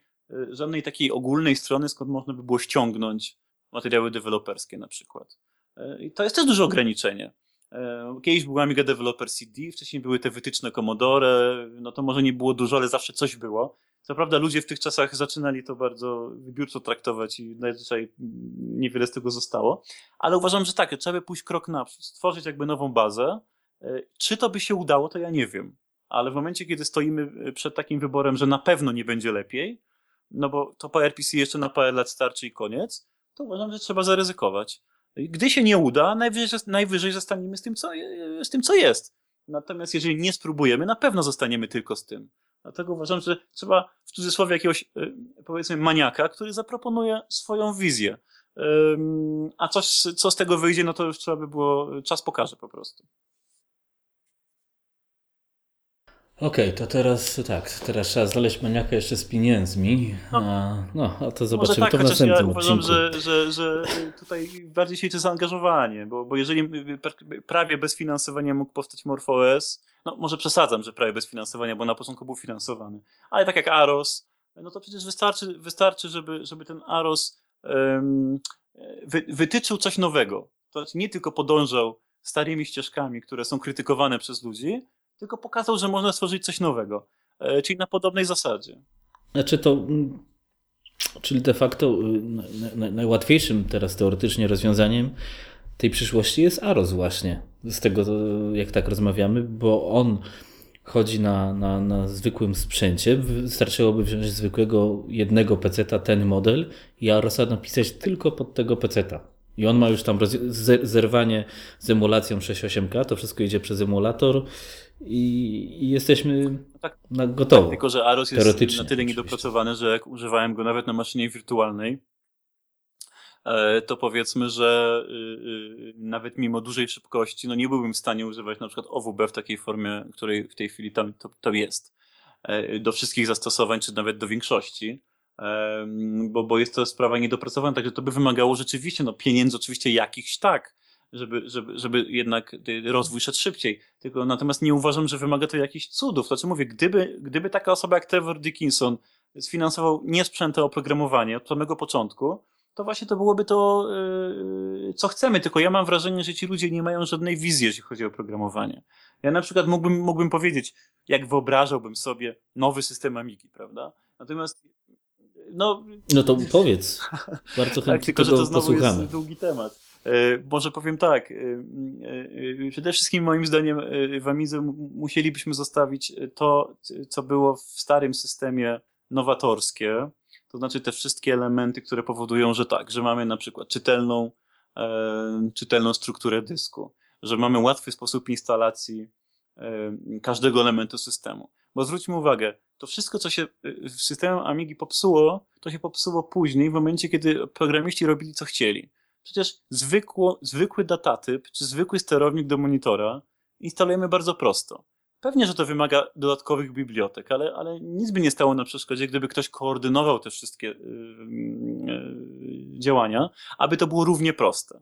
Działałoby trochę inaczej z punktu widzenia pewne rzeczy inne by się działy, ale użytkownik miałby bardzo prostą instalację. A dzisiaj instalując kartę graficzną, nie wiem, na Zorro, tak, musimy odpowiedzieć na 20 pytań odnośnie różnych zmiennych środowiskowych, o czym zresztą też piszę w, w książce teraz.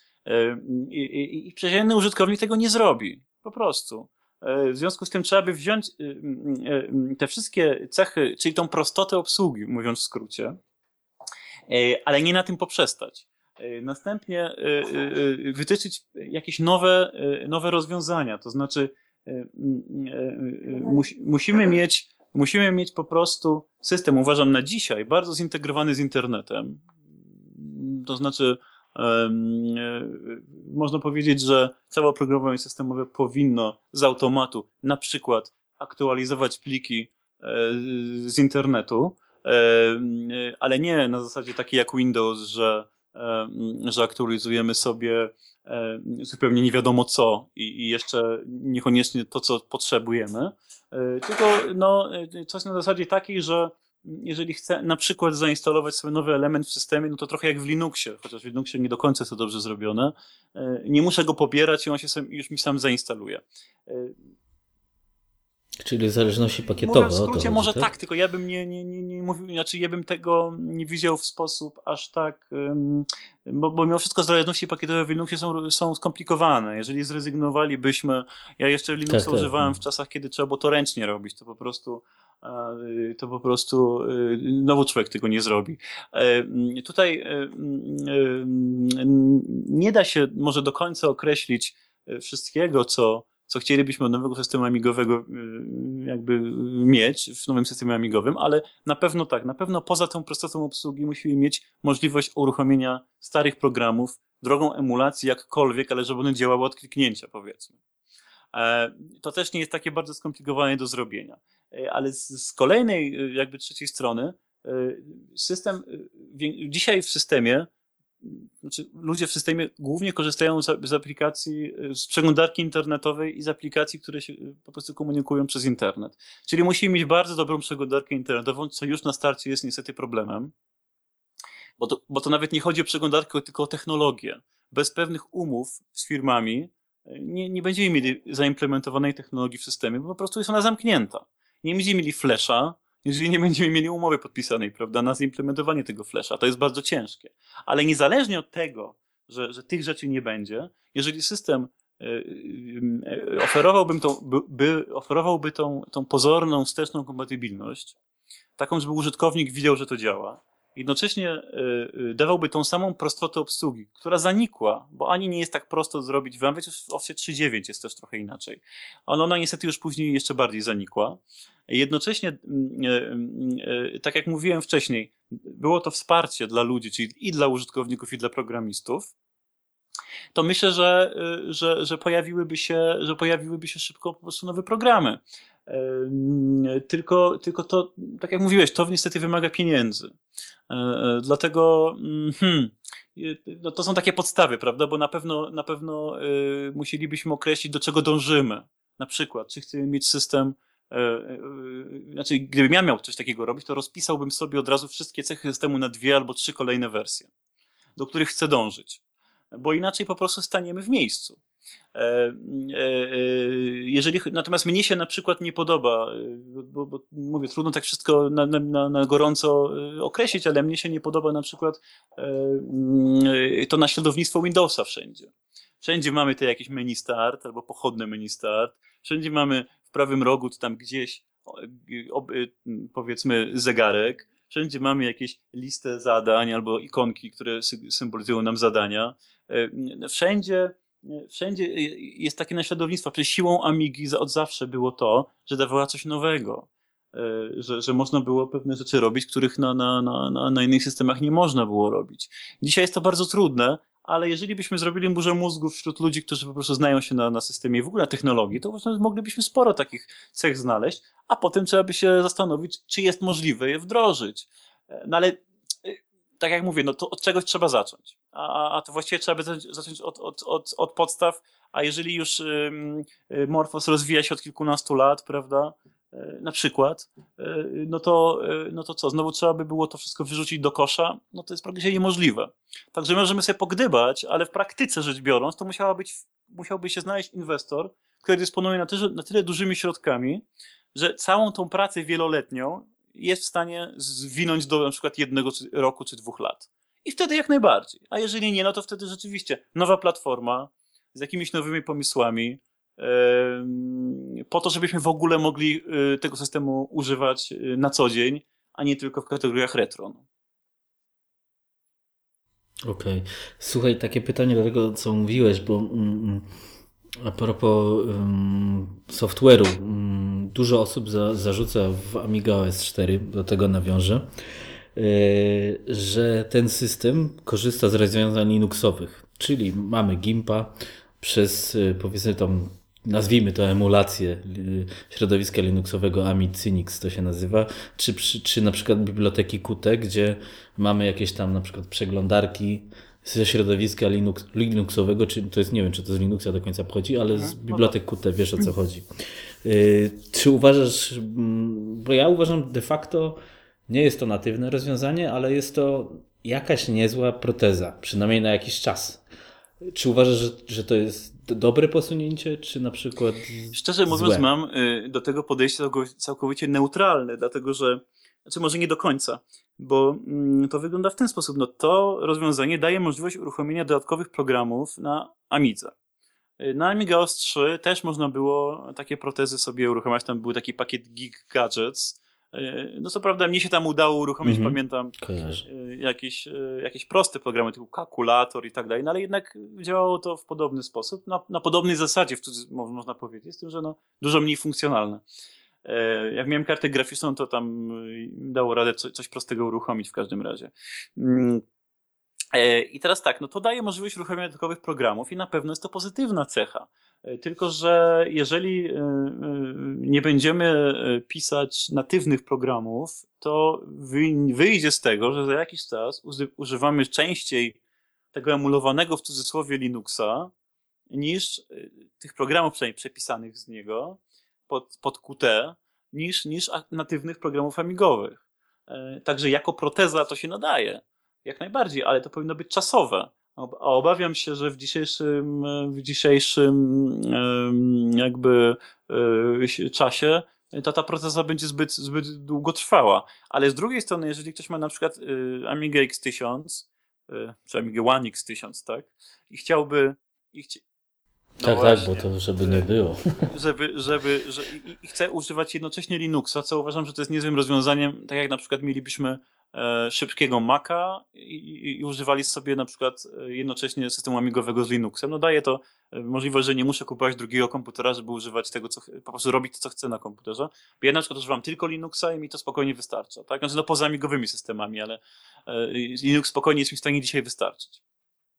Nie każdemu jest w stanie, ale, ale no w wielu przypadkach tak no to jest to na pewno rozwiązanie. Nie muszę resetować komputera, poza tym mam możliwość, e, z tego co wiem, tam jest możliwość e, no, współdziałania, e, na przykład tam, nie wiem, clipboardu zdaje się i, i można upodobnić też ten wygląd do wyglądu amigowego.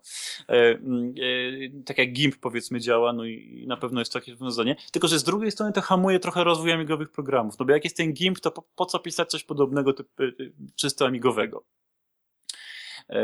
Także, także jako proteza się nadaje, ale tu jest znowu, docieramy do takiej ściany, która mówi, no, że tak, zaczniemy używać tylko tego, albo większości tego, no bo tak, będę chciał mieć Gimpa, będę chciał mieć jeszcze inne programy, e, który, których nie ma w wersjach amigowych. Wyjdzie na to, że z amigowych programów to sobie używam głównie, głównie nie wiem, po prostu workbencha, a potem odpalam od razu środowisko Qt.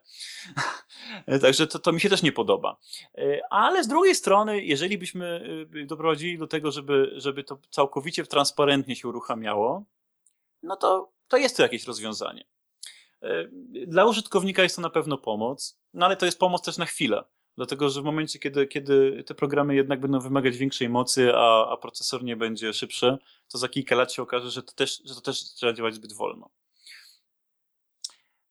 Także to bardzo różne myśli przychodzą mi do głowy, ale, ale to też jest na chwilę. Także tu, tu, tu nie uważam, żeby to była takie, taka pomoc, rozwiązanie, rozwiązanie problemu. Okej. Okay. Słuchaj, teraz powiem tak. Zrobimy przerwę, bo muszę iść po zasilacz. Rozładowałem. laptopa. No jeszcze nie, ale już, już widzę, że no, jeszcze trochę tak pogadamy. Tak wezmę go. Tak, wezmę. Zaraz wracam, tylko. Nie ma sprawy.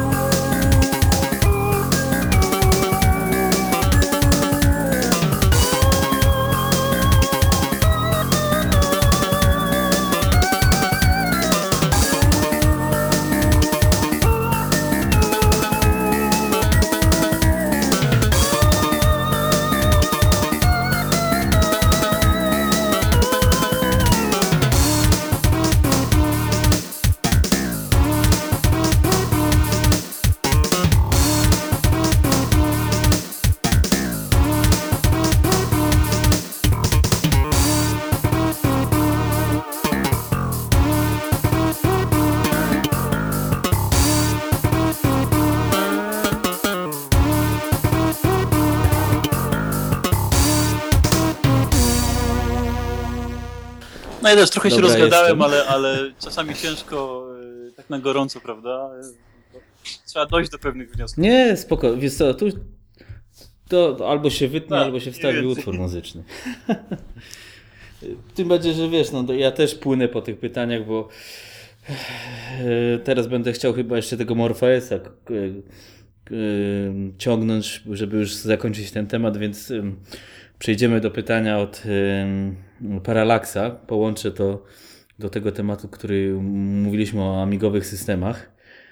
E, czy systemy takie jak Aros czy MorphOS, które poniekąd żerują na AmigaOS, mają dla Ciebie rację bytu? Pytanie kontrowersyjne. W naszym AMI świecie, pewnie dla normalnych ludzi to nie ma żadnego znaczenia.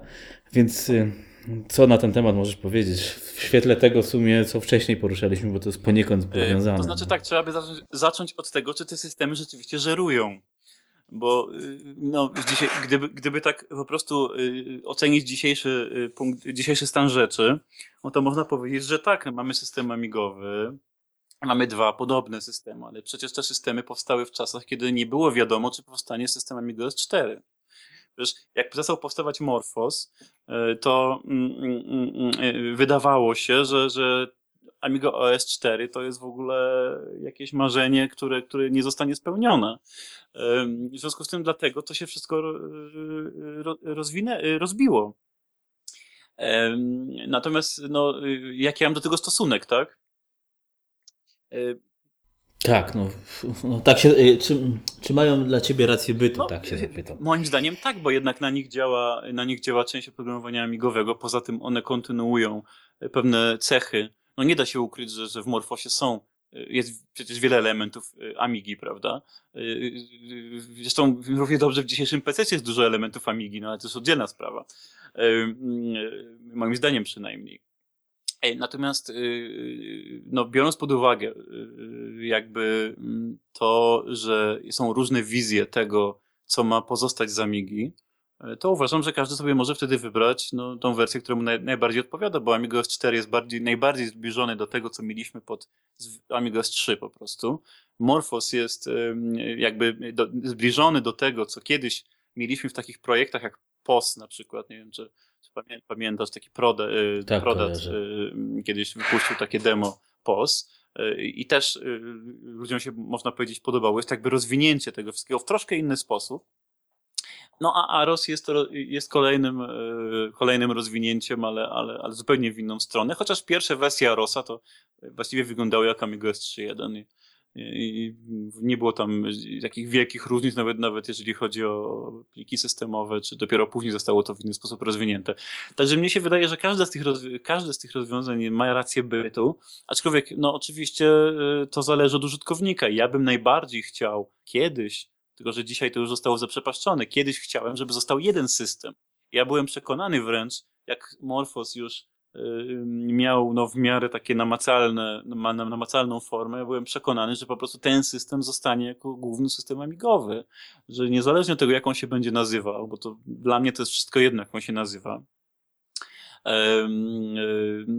y, po prostu będzie, ponieważ jest, jest najbardziej rozwinięty, no po prostu reszta ludzi jakby do nich dołączy czy zostanie to później jakoś przekształcone w inną nazwę, w inną formę, to inna sprawa, ale że jednak to będzie się na tej bazie opierało. Potem się okazało, że dwie grupy kompletnie nie dogadały, no i, a jeszcze pojawiła się trzecia, która też e, nie chciała zrezygnować ze, ze swoich tam, e, ze swoich efektów prac.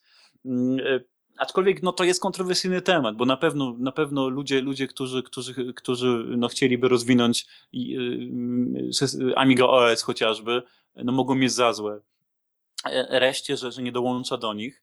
Y, mm, ale w momencie, kiedy te systemy powstały, no nie było takiego ośrodka, który mówiłby, tu na pewno y, będzie, prawda, lepiej, czy tu na pewno coś będzie. Wręcz przeciwnie. Myśmy się wszyscy cieszyli, jak Morf, no przynajmniej w środowisku y, ludzi, których ja znałem, no wszyscy się cieszyli, że powstaje system pod PowerPC, a wtedy zaczął powstawać przecież Morphos. Dopiero później to się wszystko rozbiło. Także, także tym bardziej, że działa, w zasadzie, te systemy działają na różnym sprzęcie. Także im więcej Amigi na różnych sprzętach, wszystko jedno w jakiej formie, to dla mnie jest, jest lepiej. A to, że nie wszystkim się to podoba, no to jak to w życiu, no, cokolwiek człowiek zrobi, cokolwiek kupi albo stworzy, to zawsze będzie tak, że komuś się będzie bardzo podobało, drugim bardzo nie podobało, a trzeci powie, że mu wszystko jedno. Także to ja bym, ja bym to traktował, żeby nie traktować wszystkiego aż tak bardzo, mm, a tak bardzo konkretnie, nie wiem, tak, nie można być aż takim małostkowym moim zdaniem. E, tylko trzeba jakby rozumieć, że jeżeli komuś chce cokolwiek e, robi ktoś dla, e, dla promocji Amigi, albo jeżeli nie Amigi, to czegoś, co zostaje z Amigi, to uważam to za pozytyw. Natomiast problem jest oczywiście rozdrobnienie. No bo przy takim rozdrobnieniu y, wszystkich, no to niestety y, rozwój zaczyna być coraz bardziej powolny i dlatego uważam, że trzeba zrobić ten krok naprzód. Mhm, Okej. Okay. Jasne. No myślę, że to całkiem rozsądne zdanie. Eee, Okej, okay. czyli teraz już muszę zobaczyć znowu w pytania, żebyśmy mogli kontynuować. Mm. Teraz troszeczkę, żeby się zluzować, wracamy do Endera i jego pytania, która Amiga model kręci Cię najbardziej i dlaczego? Z punktu widzenia mojej, mojego sentymentu 500, dlatego że to był pierwszy mój komputer, który, znaczy w ogóle pierwszy, który miałem, ale też pierwszy, który, który w ogóle zobaczyłem. także, także, natomiast jeżeli miałbym, natomiast jeżeli miałbym oceniać przez pryzmat no, tej Amigi, która mi się najbardziej podoba, no to 3000. No i, CD, i CDTV chyba jeszcze na drugim miejscu bym wymienił. Bo tak, CDTV wykro, y, znowu wykroczyła poza swoje czasy.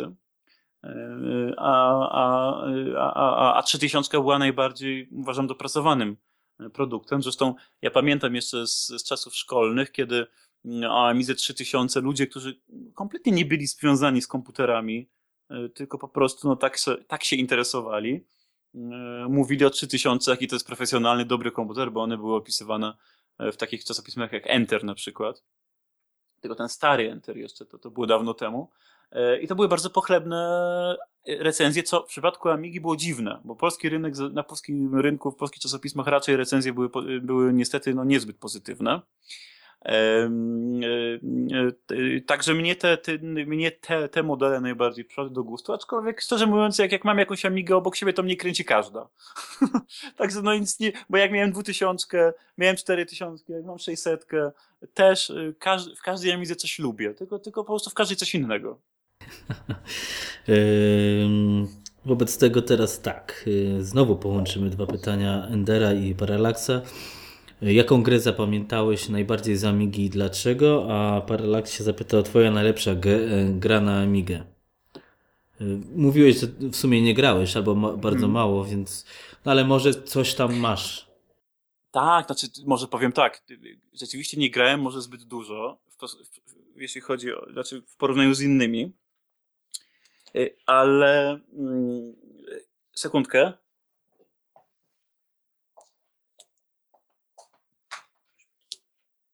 Okej, okay, to jeszcze raz.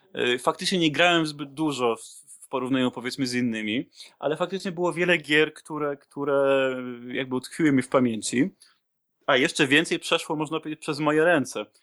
W starych czasach jeszcze y, dosyć często y, byłem uczestnikiem giełd, giełd komputerowych i tam po prostu jak jeszcze kiedyś, kiedy się kopiowało, prawda, przed wejściem tej sławetnej ustawy, no to po prostu widziało się tysiące różnych rzeczy ale takie najbardziej, e, to co mi najbardziej utkwiło w pamięci, to co zrobiło na mnie największe wrażenie, właściwie nie dlatego, że one były może najlepsze, ale dlatego, że widziałem je jako jedne z, e, e, ja wiem, może nie z pierwszych też nawet, ale no takich najbardziej, wydawało mi się najbardziej dopracowane. To był Canon Fodder 1, to był, to był, to był, nie wiem dlaczego, ale Zul 2, to był Stardust, to ten pierwszy Stardust, który był na 500, szczególnie ten przelot tego promu kosmicznego, Perihelion, tego e, przykładowo, no, no z takich innych tytułów, no to potem się, potem się człowiek interesował na, grami na płytach, był CD32, więc te wszystkie gry, które miały e, wstawki filmowe, jak Alien Tower Assault, albo na przykład Roadkill, no to to też, to też robiło jakieś tam wrażenie i utkwiło mi w pamięci, ale faktycznie nie miałem nigdy aż takiej jakiejś gry, w którą bym w którą bym e, jakoś szczególnie grał. Bardzo wiele gier lubiłem, bo, bo tak jak mówię, i, i, do tej pory potrafię sobie uruchomić Super Froga, albo nie wiem, jakiś tam Pepe Hammer przykładowo. Natomiast faktycznie nie, nie, nie, nie, nie mam właściwie żadnej takiej jakby ulubionej jednej gry, którą mógłbym wymienić, którą grałem zdecydowanie dużo więcej. No tak to wygląda. Okej. Okay. Eee, teraz zapytam się a propos gier. To już było. To teraz mm, najlepszy amigowy soft. No to już jest troszeczkę inaczej, bo rzeczywiście to mógłbym wymienić chyba to, co, co najbardziej, czego, te programy, których używałem najczęściej. No, dokładnie, to myślę, że mógłbyś no coś poopowiadać, czego używasz na Amidze, co możesz ewentualnie komuś polecić, może. No tak, tak, jak najbardziej. To znaczy, tak, tak jak kiedyś, powiedzmy, używałem, bo może od tego byśmy zaczęli, to zdecydowanie mm, no mogę powiedzieć o, o Pusie właśnie piątce, ale wcześniej też o czwórce, bo czwórka też ma spore możliwości. No też WordWord, PageStream, Final Writer na przykład. Jeszcze szereg programów e, takich typowo shareware'owych, e, e, powiedzmy, no pamiętam taki kiedyś program dosyć mocno używałem do katalogowania grafik, to się chyba kataloger jeszcze nazywało, ale nie dam głowy. Nie chcę, nie chcę przekręcić już teraz nazwy. Bardzo ciekawy, chociaż no to z punktu widzenia mojego ciekawe, jest program, który E, umożliwia e, e, edycję plików językowych, tych lokalizacji, ale on jednocześnie, jednocześnie umożliwia przechwytywanie komunikatów z programów, które lokalizacji nie, nie, umoż, nie, nie się lokalizer chyba się nazywało. Ale jeżeli byśmy mieli wymienić takie, takie programy typowo użytkowe, które nie są związane z jakby z, z pracą nad systemem czy innymi plikami, E, to, e, to na pewno musiałbym też powiedzieć e, o programach graficznych.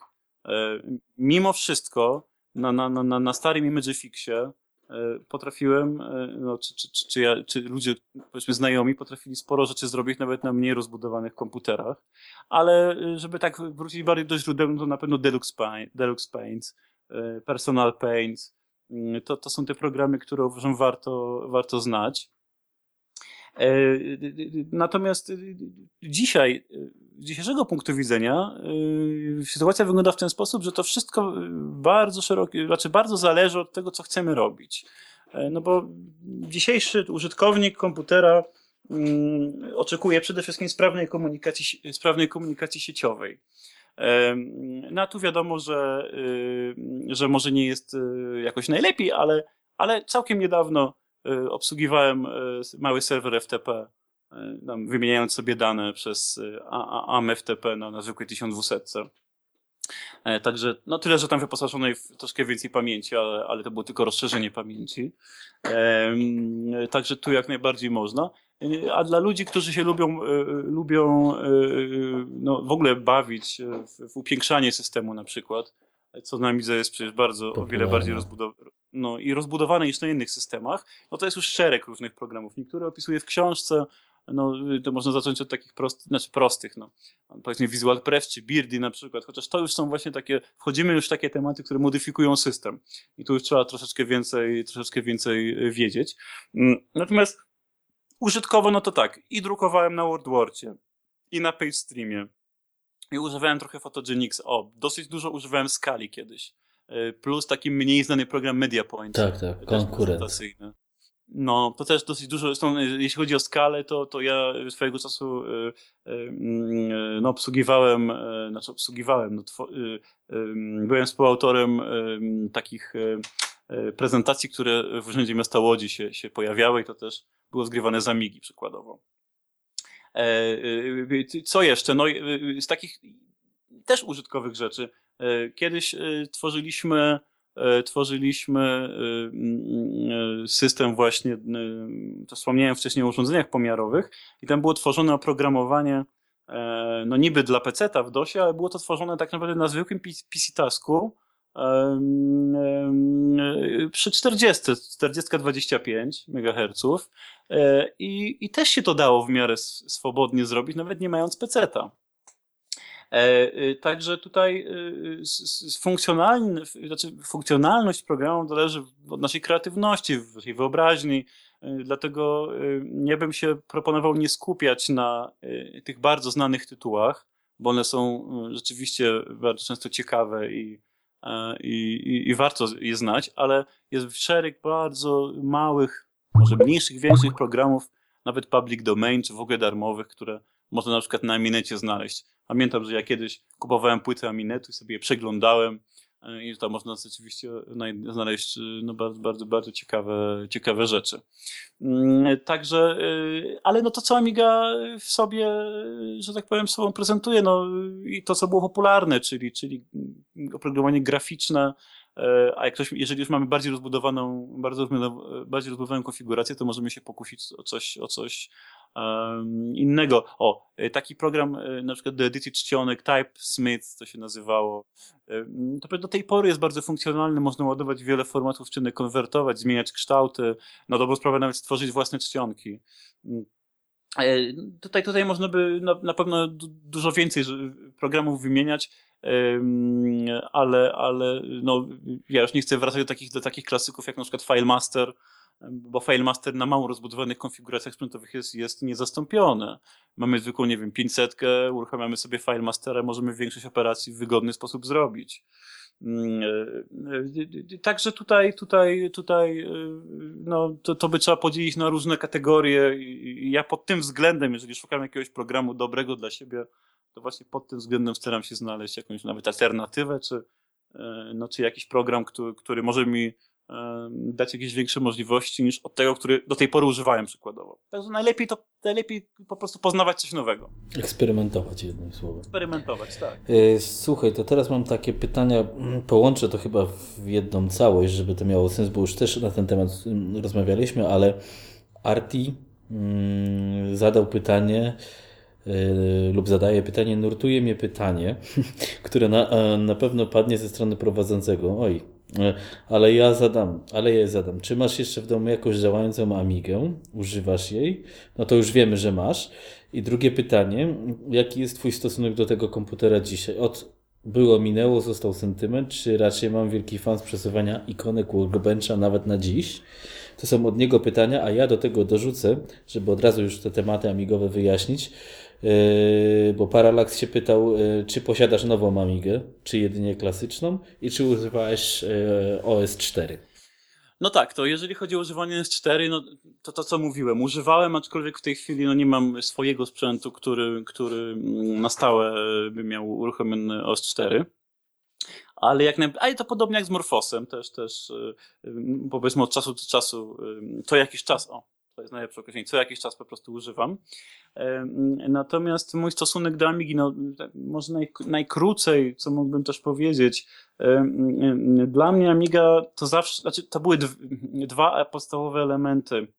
System operacyjny i Amiga jako platforma sprzętowa, bo to był komputer inny niż pozostałe, czyli my mieliśmy oddzielną platformę sprzętową, oddzielny system.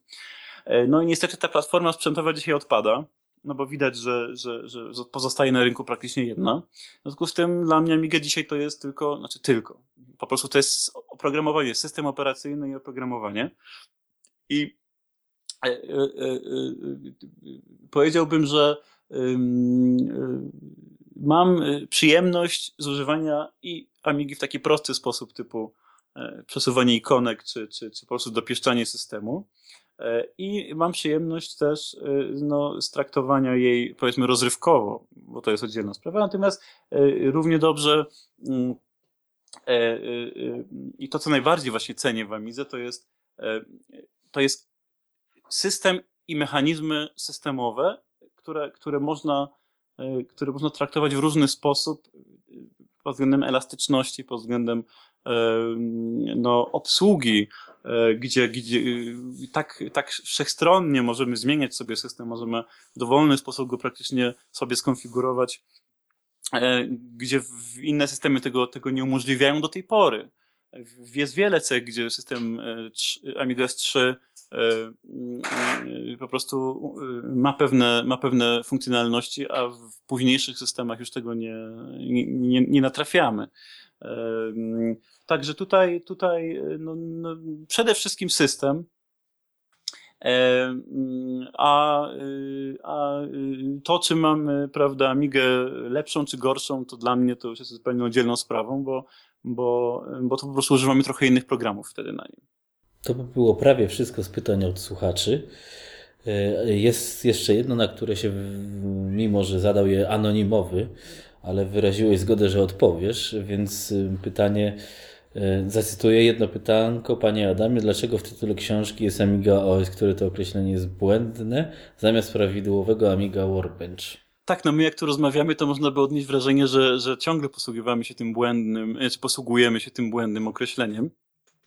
Ja bym chciał zwrócić uwagę na, na coś takiego, że yy, to też yy, powiedzmy wymaga kilku chwil yy, wyjaśnienia. Y, to system Amigi był, y, używa, był nazywany w różny sposób, bo powiedzmy sobie szczerze, na samym początku właściwie y, system Amigi w ogóle nie był nazywany, bo to był Amiga DOS albo Workbench praktycznie, ale jak zobaczymy sobie na przykład dyskietki z systemem 1.3, to na Workbenchu jest napisane Workbench 1.3.3 przykładowo, a na Extras jest napisane Extras 1.3.3.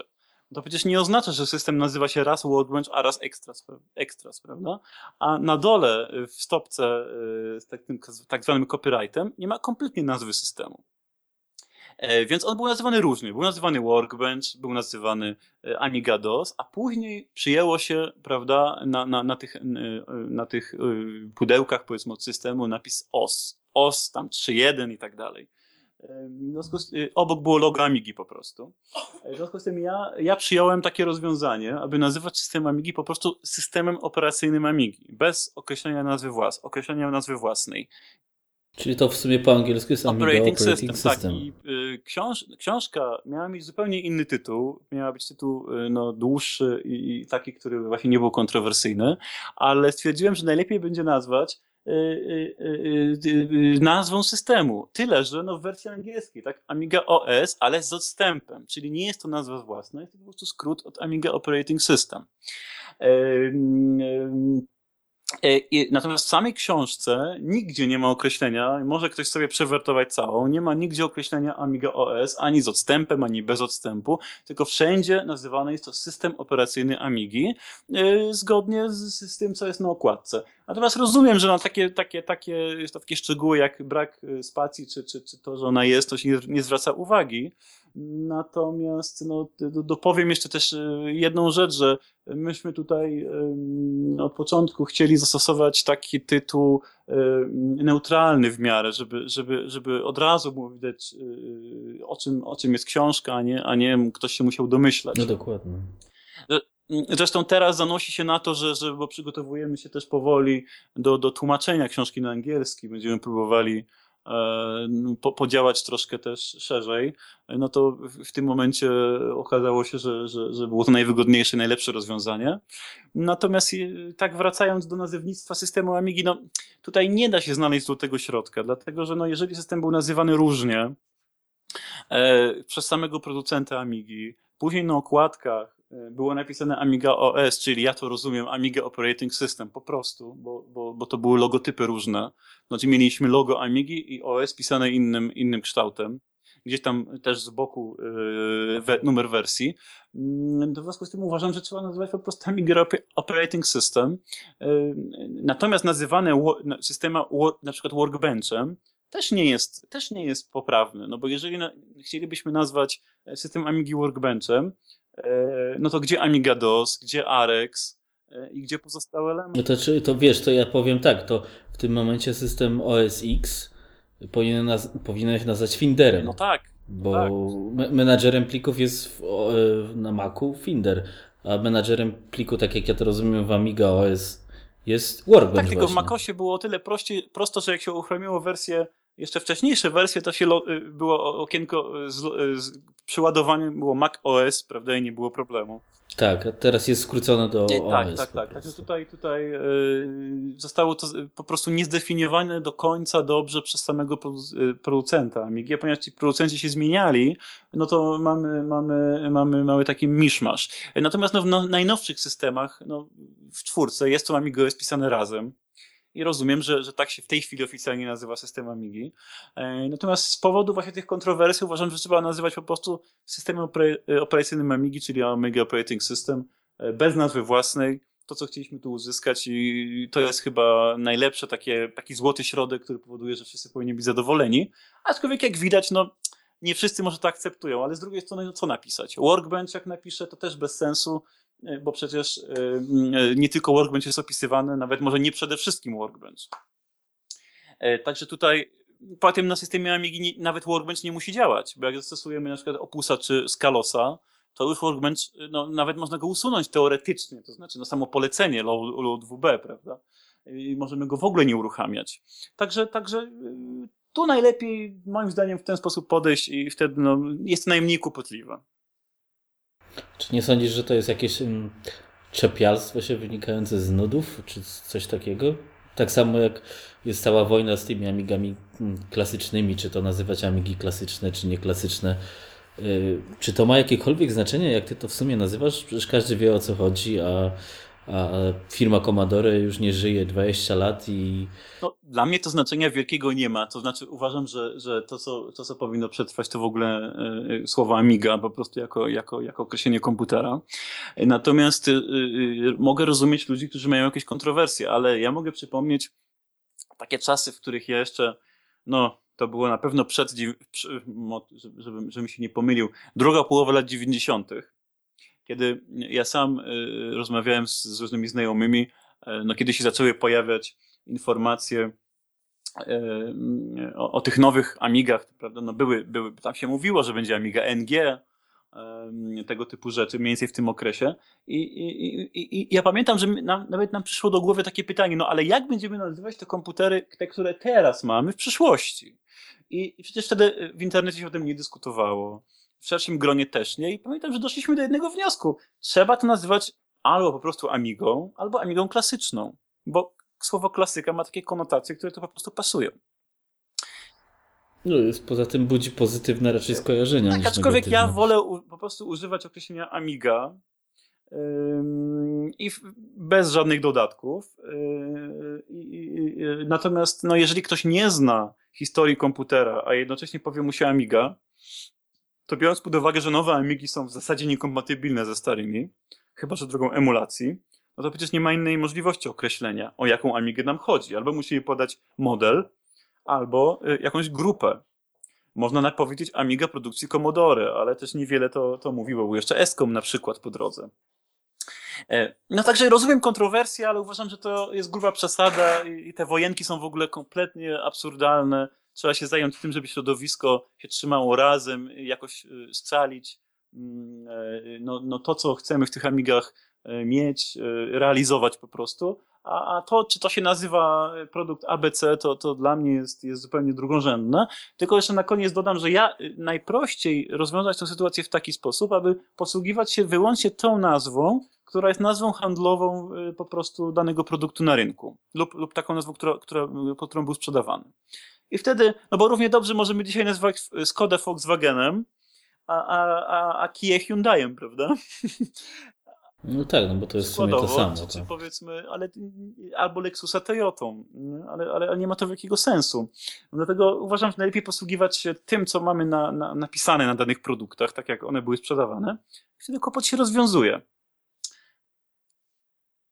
Lub się nie Lub czepiać. się nie czepiać. No ja w ogóle uważam, mówię, że, że y, y, wojny wszelakie, wojen wszelakich należałoby raczej zaprzestać. Okej, okay, to miejmy nadzieję, że że po tym odcinku będzie lepiej.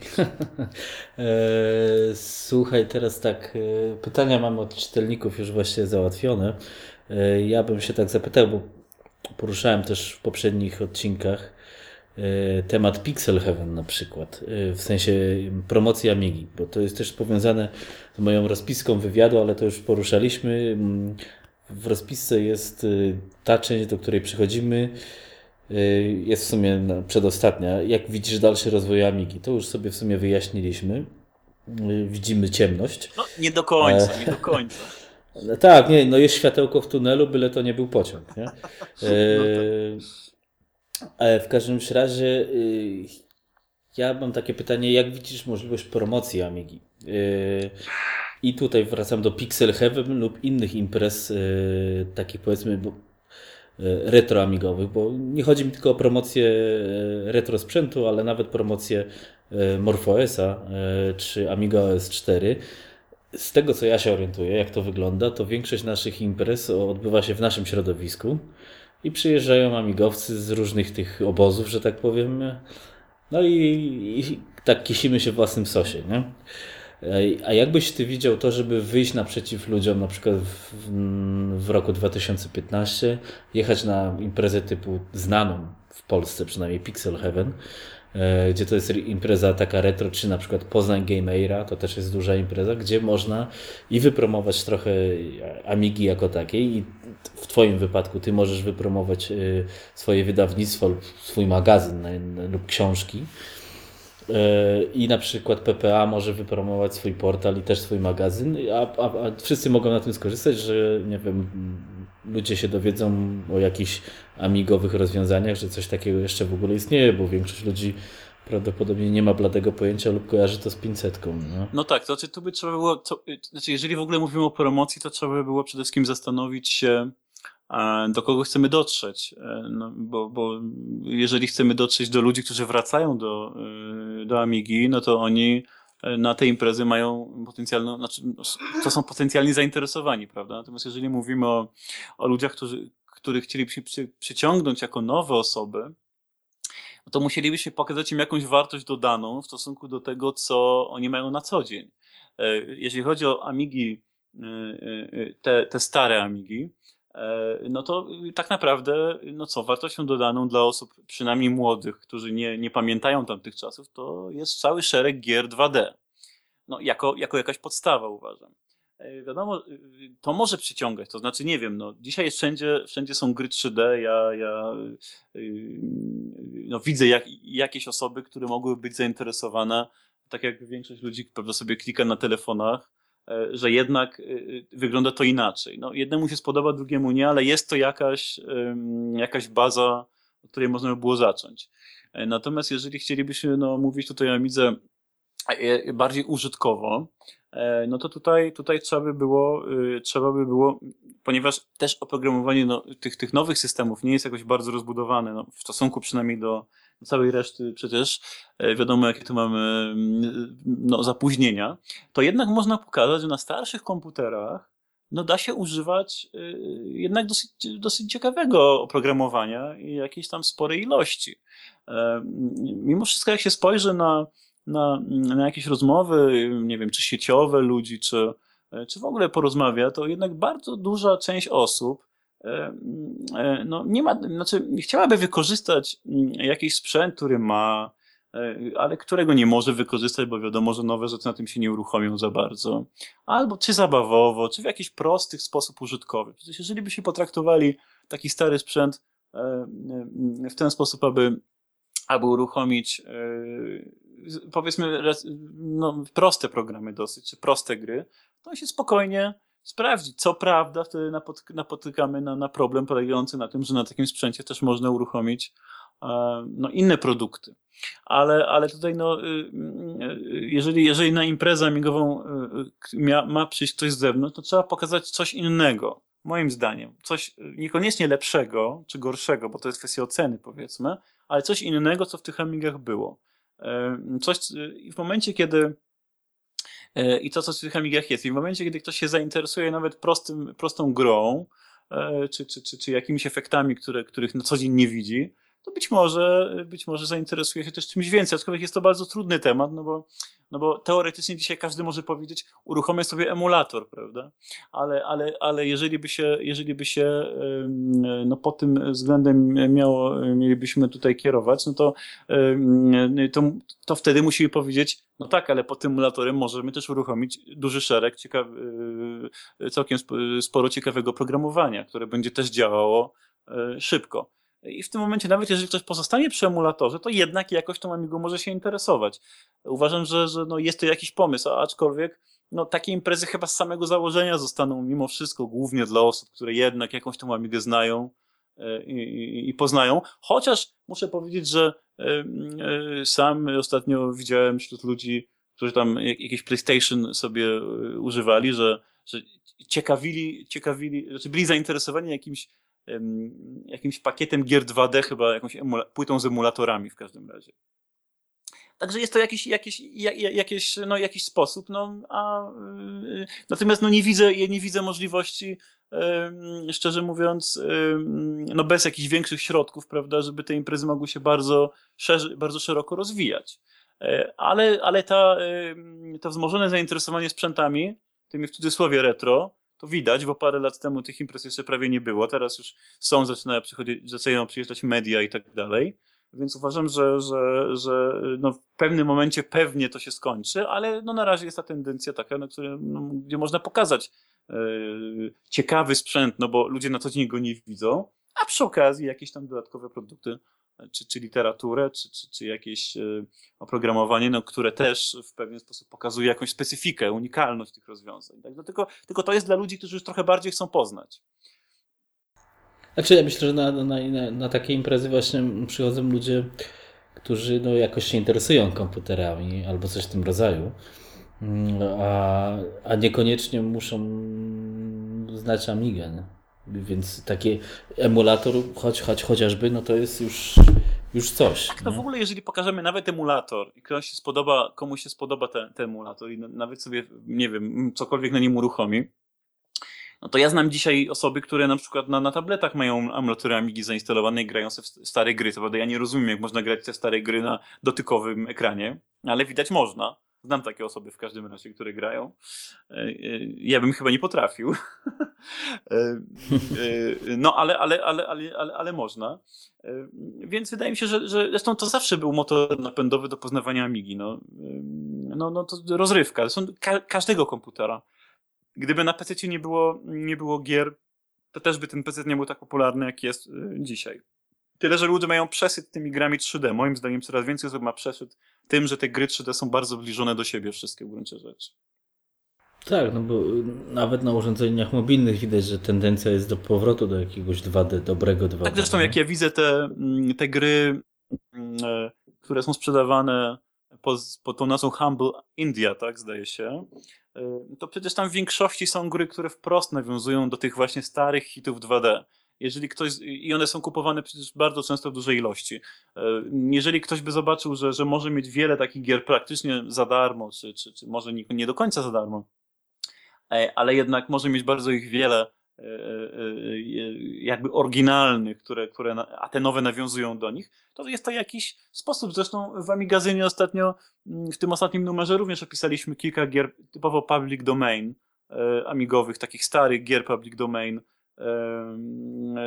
lub, lub w ogóle freeware'owych, darmowych, które, które, które no, tam było w przypadku akurat gier przygodowych pokazane, ale, ale które po prostu są dość ciekawe mogą zająć czas na, na, na, na, może być to być rozrywka na jakiś dłuższy czas, a jednocześnie nie wymaga to praktycznie żadnych czy, czy, czy, czy powiedzmy e, pieniędzy, czy, czy nawet jakichś wielkich, e, no trudności przy uruchamianiu, nie musi mieć jakichś umiejętności wielkich. I chyba tu jest, od tego by trzeba było zacząć. O, poza tym, no dema, no scena komputerowa, no, no dema to jest coś, co zwraca uwagę zawsze. Praktycznie każdy, każda osoba, której pokazywałem jakiekolwiek dema, kto, kto nie wie, co to jest, bo wiele osób. No, no właśnie, to są no. zainteresowani. Y, można powiedzieć, że może się nie podobać komuś, ale to zwraca uwagę. Jeżeli zwróci uwagę, to ktoś już zapamięta. Jeżeli zapamięta, to może coś mu się jednak w tym spodoba. A jeszcze jedna sprawa, jak na przykład pokazuję często ludziom niezwiązanym z Amigą, na przykład jak wyglądały moduły, y, no, y, muzyczne moduły amigowe w latach 90., to są często ludzie zszokowani, jaka to była jakość dźwięku, biorąc pod uwagę w tamte czasy, jeszcze lata 80., prawda, czy końcówkę. W związku z tym no, wiele rzeczy można pokazać niektóre mogą, mogą jakoś skutecznie zainteresować. Okej. Okay. Jeszcze bym się zapytał, nawiązując do tego, co byś polecił mm, ludziom załóżmy, że kogoś nakłoniłeś wchodzącym do środowiska, czy, czyli jaką Amigę kupić, czyli jednak może zacząć się emulatora. No, tu jest o tyle skomplikowana sprawa, że, że Amigi no, uzyskują ostatnio tak wysokie ceny i to tak lawinowo, nie wiem czy to przed świętami tak rośnie, bo, bo jak jeszcze widziałem pół roku temu na przykład Amigi 600 gdzieś tam E, na aukcjach po, po 200 zł, teraz widzę po, teraz widzę po 500. Tak, sam się zainteresowałem ostatnio 600. No właśnie, kiedy... Chociaż nie wiem po co, ale 500 no zł właśnie, ja kiedyś, nie wiem, chyba z rok, z rok temu, nie pamiętam, ale to coś w tym rodzaju. E, pamiętam, kupiłem 600 za chyba 150 zł e, i to była taka cena akceptowalna, ale powiedzmy, że około 200 zł, a dzisiaj, dzisiaj Mm, dzisiaj są to straszne, straszne ceny. Y, znaczy, ja, ja powiem tak, mm, ja bym, ja bym proponował jednak zacząć od emulatora, ale to nie dlatego, że jakoś dyskryminuję Amigę, bo jestem jak najdalszy od tego, tylko po prostu, jeżeli ktoś kupi sobie prosty model Amigi, nie wiem, 500, 600 i zacznie uruchamiać gry z dyskietki, to, to moim zdaniem szybko przestanie. No bo tak, dyskietek nowych przecież nie ma. Więc dużo rzeczy nie będzie mu dobrze działać, po prostu, yy, po prostu wiele rzeczy kompletnie nie uruchomi, no bo gdzie sobie nawet te etykietki ma nagrać, prawda?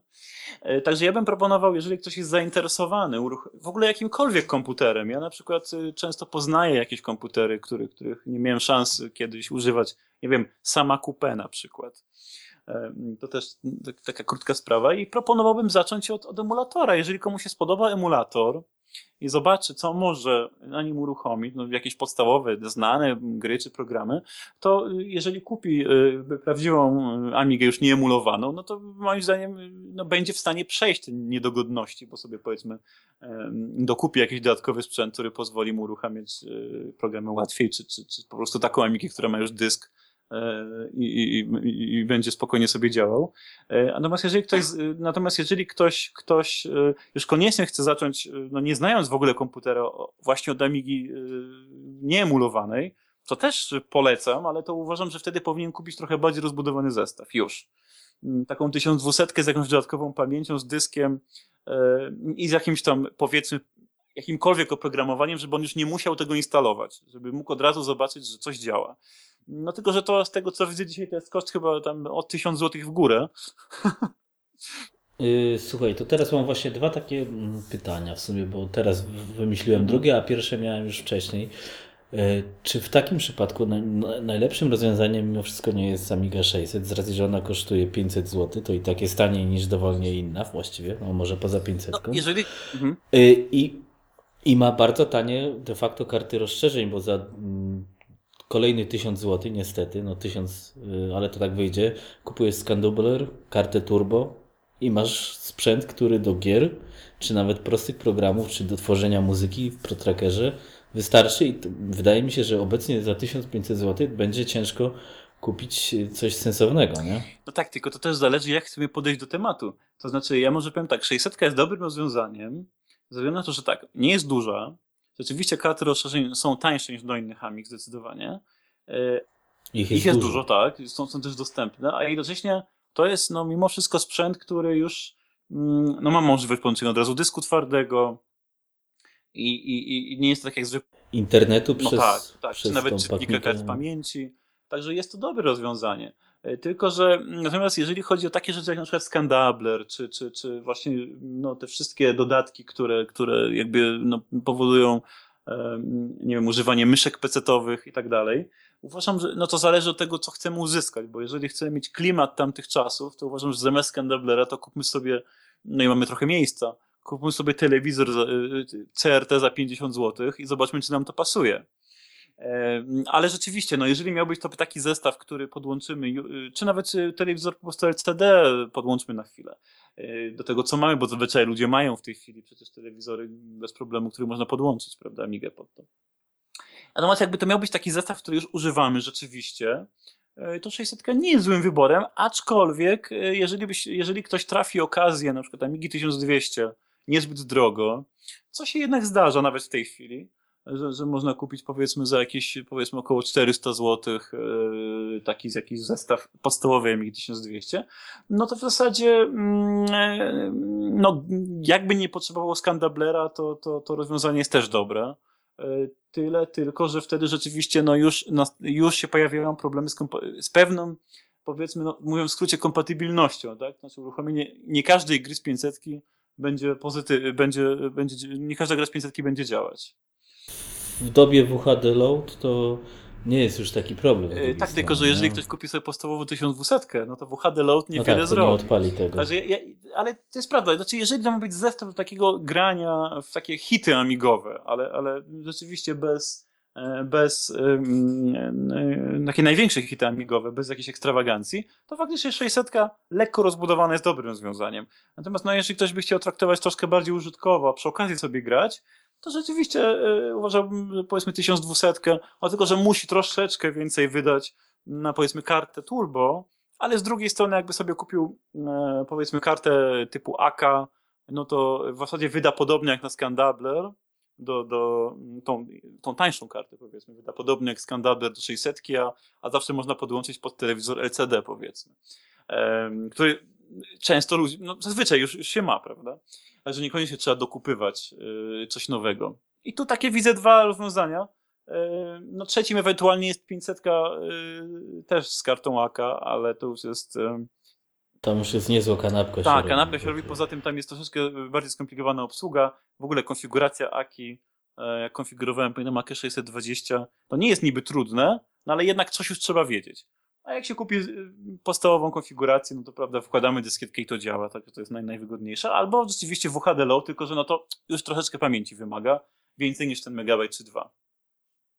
I w tym momencie jest pytanie drugie, e, które jest z tym związane, bo jeszcze czegoś takiego nie widziałem. Ja mam chyba dobre pomysły na biznes, a niech nie wykorzystuję. Nie ma takiego w Polsce sklepu chyba, czy może na świecie, który by sprzedawał takie na przykład Amigi 600 z, od razu z kartą skonfigurowane, takie out of box kupuję i, i, i mi działa. Czy to jest, czy to by byłoby przydatne? Ale 600 yy, z Przykładowo 600 1200. Chodzi o to mi, że jestem pacjentem, miałem emulator, spodobało mi się i chcę mieć prawdziwy sprzęt ale de facto, tak jak mówiłeś, no, skonfigurować cokolwiek AKE czy coś takiego, trzeba coś wiedzieć. Yy, więc udaję się do sklepu i sobie wybieram 600 z jakąś tam, czy tam 1200 z jakąś tam małą kartą turbo, z kartą CF i skonfigurowanym już systemem. Czy to jest jakiś pomysł na, na no nie wiem, może na biznes, czy pomysł, żeby. No, czy to jest jakiś pomysł po prostu? Na pewno jest to jakiś pomysł, tylko że wydaje mi się, że wszystko się rozbija po prostu o, mm, o, o ilość klientów, że tak powiem, którzy mogliby coś takiego e, chcieć. E, mm, bo przecież wiele lat temu mm, prowadziłem właśnie taki serwis Amigi w Łodzi i, i, i bardzo często to polegało właśnie na tym, że konfigurowało się komuś sprzęt, instalowało programy, tak żeby on mógł już używać gotowy, gotowy komputer. Natomiast, natomiast mnie się wydaje osobiście, że, że jeżeli ktoś chciałby już używać, już używać powiedzmy takiej, takiej 600 czy 1200 z WHD Load, to ja nie jestem przekonany, czy nie, nie dużo prostszym rozwiązaniem jest po prostu kupienie e, takiej Amigi, nie wiem, z emulatorem stacji dysków po prostu. Wkładamy kartę pamięci czy pendrive'a i, i nie musimy się bawić w, jeżeli chcemy tylko grać, i nie chcemy się bawić, nie musimy się bawić e, w konfigurowanie systemu, instalowanie, rozpakowanie archiwum, no bo jednak do WHD Load musimy, prawda, no coś skądś ściągnąć, e, bo przecież nie będziemy w kółku grać w to samo. Także z tego punktu widzenia to chyba najlepiej, tylko że znowu, no, e, wydaje, także wydaje mi się, że taka konfiguracja z, powiedzmy, z emulatorem stacji dysków jest dobra dla tych osób. Tyle, że tu się znowu rozbija sprawa o to, że jeżeli już zaczniemy wkładać do Amigi i emulator stacji dysków włożymy, i ktoś będzie sobie e, uruchamiał te gry z, z pendrive'a, powiedzmy, czy, czy z karty pamięci, e, no to to jest tylko dla tych osób, które już nie chcą mieć emulatora. No bo dla tych osób, które chcą zobaczyć, jak to wyglądało na Amidze kiedyś, no to w zasadzie nie ma to racji bytu. Ale takie zainstalowane pakiety oprogramowania, no pewnie, y, to, to właściwie każdy komputer, trzeba zwrócić uwagę, że praktycznie każdy komputer, też Amiga kiedyś przecież miała takie pakiety i to nie bez powodu. Po prostu zachęca to ludzi do tego, żeby y, czegoś spróbować, no bo dostaję sprzęt i już mi działa, coś, już coś mi działa. Jest po prostu łatwiej, a, a przy okazji uczę się czegoś nowego, ale dopiero jak, jak poznam to, co mam. Także jest to, jest to łatwiejsze tak na, na wejście. Okej. Okay. No dobrze, to myślę, że można powiedzieć, że wstępnie dobrnęliśmy do końca. Chyba, że masz jeszcze jakieś pytania albo chciałbyś coś dopowiedzieć, bo zostają nam teoretycznie w programie pozdrowienia Aha. tylko. Yy, Znaczy moglibyśmy dłużej o, jeszcze rozmawiać, ale myślę, że trzy godziny już mamy, więc to nie chcemy zabić słuchaczy, a, a, a tematów jest sporo, to nawet można kiedyś nagrać dodatkowy odcinek. To znaczy, przykład, to znaczy, ja mogę to powiedzieć tak, no ja bym mógł dużo mówić, bo tutaj tak trochę dotknęliśmy tematów, prawda? Mógłbym mówić dużo o systemie, tym, który, który e, znaczy o starym systemie, czyli OS3. Mógłbym mówić o systemie nowym, mógłbym mówić więcej o tym, co bym widział w nowym systemie. Natomiast, e, no tak e, na, na, na gorąco, powiedzmy tak, na, jeżeli chcemy powiedzieć coś w skrócie, to, to rzeczywiście wydaje mi się, że chyba no, tych najważniejszych spraw dotknęliśmy. No tak, tak, bo już przebrnęliśmy przez publicystykę i przez jakieś historie swojego życia oraz plany wydawnictwa, więc myślę, że no ogarnęliśmy. Tak, no ja bym tylko mógł dodać, że jeszcze powtórzyć, że, że jeżeli ktoś ma, no odnośnie właśnie wydawnictw, jeżeli ktoś ma jakieś pomysły, e, nawet które nie są zbieżne z, tym, z tymi naszymi, ale jednak są to pomysły na jakieś projekty, e, które mogłyby być e, prowadzone i którym ktoś mógłby się troszkę chociaż zająć, to ja myślę, że, bardzo polecam do kontaktu, bo ja, ja, jestem w ogóle otwarty na propozycje. Gdyby się okazało, że, że, że są osoby chętne do, nie wiem, choćby do napisania gry na przykład, prawda? I chodziłoby jakąś, nie wiem, wspomożenie, jakąś promocję, czy co, cokolwiek, jakąś pomoc, to możemy szeroko współpracować. Natomiast no, tutaj y, my mamy pomysły na, na kolejne projekty już poza właśnie wydawnicze, ale już nie, mówię, to, to, to jest na potem, także będę mówił wtedy, kiedy to się trochę chociaż zrealizuje. Także tutaj w momencie, kiedy, kiedy, kiedy, kiedy chcemy promować Amigę, no na pewno, na pewno w miarę możliwości będziemy, będziemy y, jakby pomagali, ale no, ja rozumiem, że, że no, przy tak małym y, tutaj rynku, małej ilości użytkowników, wiadomo, że tych, ilo, tych, tych osób chętnych do pracy też jest niezbyt dużo. No ale mówię, powoli, powoli udaje się coś, coś tutaj robić. E, właśnie, Powiedz mi, ile osób tworzy Amigazyn? Tak mniej więcej. Yy, Współpracowników no, ile macie? Może bardziej tak. Tak, no osoby są w sumie wymienione w stopce, czyli można powiedzieć, że to jest, żebyśmy dobrze wyliczyli. E, w tej chwili osób piszących to będzie, no, to będzie już całkiem nieźle, bo to będzie to sześć osób piszących w zasadzie. E, plus współpracujące są, no to jest w granicach 10 osób bo to mamy jeszcze osobę, która składa, osobę osobną, która robi teraz już korektę. Także razem, gdybyśmy policzyli, no te osoby, które bezpośrednio tworzą, no to będzie 10 osób. Także siłą rzeczy przy tak małej, e, przy tak małym e, wydawnictwie uważam, znaczy i w ogóle przy tak małym e, tej ilości ludzi, to i tak jest moim zdaniem osiągnięcie. A tak naprawdę w międzyczasie trzy osoby wypadły, niestety, a kolejne się jeszcze się jednak szykują. Także jest jest szansa, że w najbliższy, no nie wiem czy w następnym numerze, ale za, za jakieś dwa numery, ja tak planuję, że jak się uda, to będzie już powiększenie objętości, ale to co zobaczymy. Okej, okay. no to super. No, w każdym razie w przyszłym roku, wiadomo, cztery numery planowane na kwartał, no chciałbym w trakcie tego roku już zwiększyć objętość. Także mam nadzieję, że się uda. Super. No dobra, to zobaczymy. Słuchaj, myślę, że będziemy kończyć. No pewnie tak. Tak, yy, więc dziękuję Ci za Twój cenny czas. Troszeczkę Ci go zabrałem i, i przed nagraniem, i w trakcie. Trochę trzeba, trochę trzeba. E, a słuchaj, jeszcze, jeszcze na koniec, bo już się żegnamy, zapomniałem. Kogo chcesz pozdrowić? Powiem tak, yy, yy, tutaj osób, które mi w pamięci zapadły, to Arti, którego znam od lat. No, prawda, kontaktowaliśmy się jakiś czas temu osobiście już. E, potem było trochę przerwy, ale mogę go serdecznie pozdrowić i powiedzieć, że jak ma ochotę, e, prawda, się spotkać, porozmawiać, e, to ja bardzo zapraszam. Już nawet kiedyś się umawialiśmy, ale to nie, nie, nie doszło do skutku, a myślę, że nawet w niedługim czasie to pewnie będę bardziej aktywny na jakichś spotkaniach, ale to jeszcze zobaczymy. A tak ogólnie, no to wszystkich tych, którzy widzą w Amidze jakąś na jakiś, jakiś pomysł, na cokolwiek, myślę, że, że warto pozdrowić i powiedzieć, że, e, no, że e, starajcie się po prostu, e, no, mimo nawet jakiegoś ograniczonego czasu, tak wykazać trochę zaangażowania i może zrobić coś nowego, co nie będzie od początku do końca jakiejś od razu wysokiej jakości, no ale nie od razu Kraków zbudowano. Także bardzo polecam i pozdrawiam. Okej, okay, to do usłyszenia, do następnego razu. Trzymaj się. Do usłyszenia, dzięki.